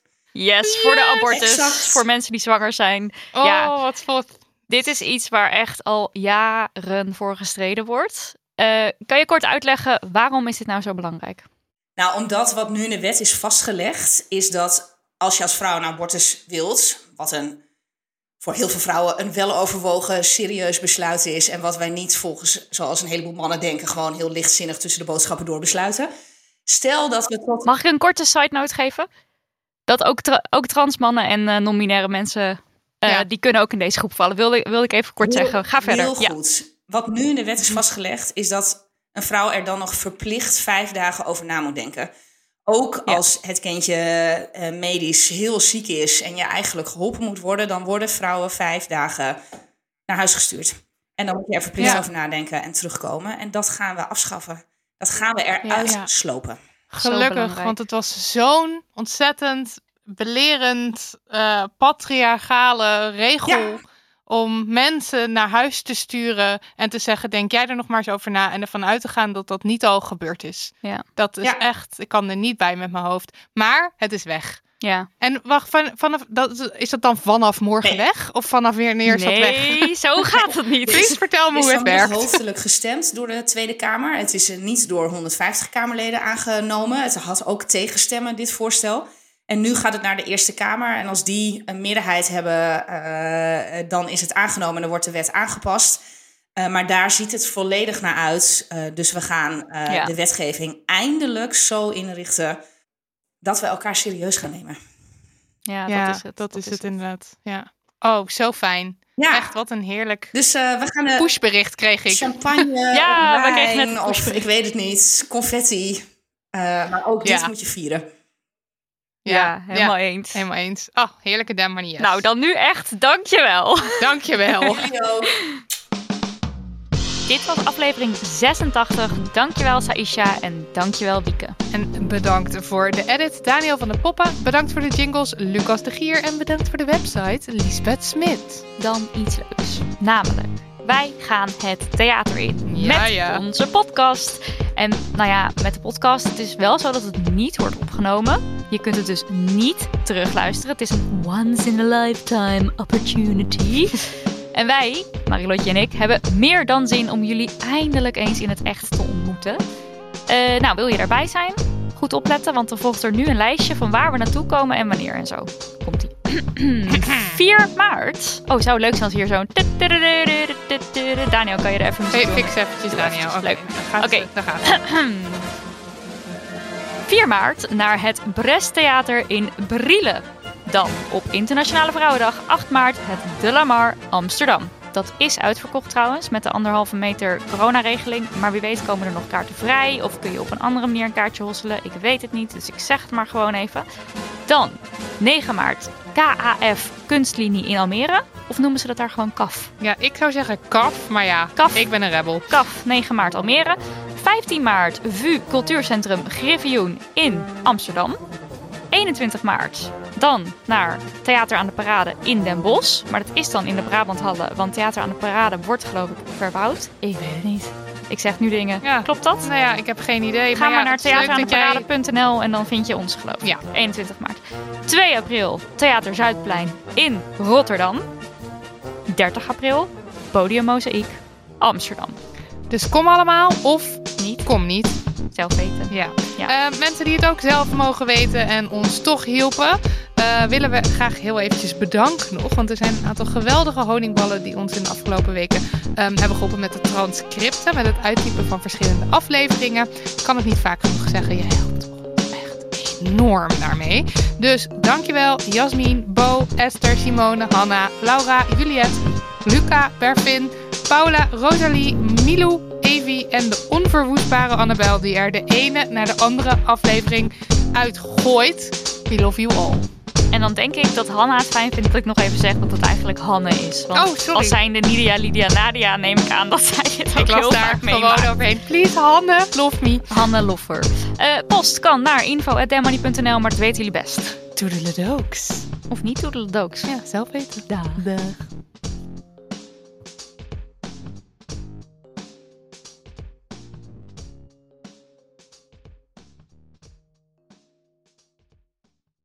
Kussens, bedden, matrassen, beddengoed. Emma Sleep heeft het allemaal. Ga naar emma-sleep.nl om van jouw slaapkamer een slaapparadijs te maken. Er is nu moederdag sale gaande met kortingen die oplopen tot wel 50%.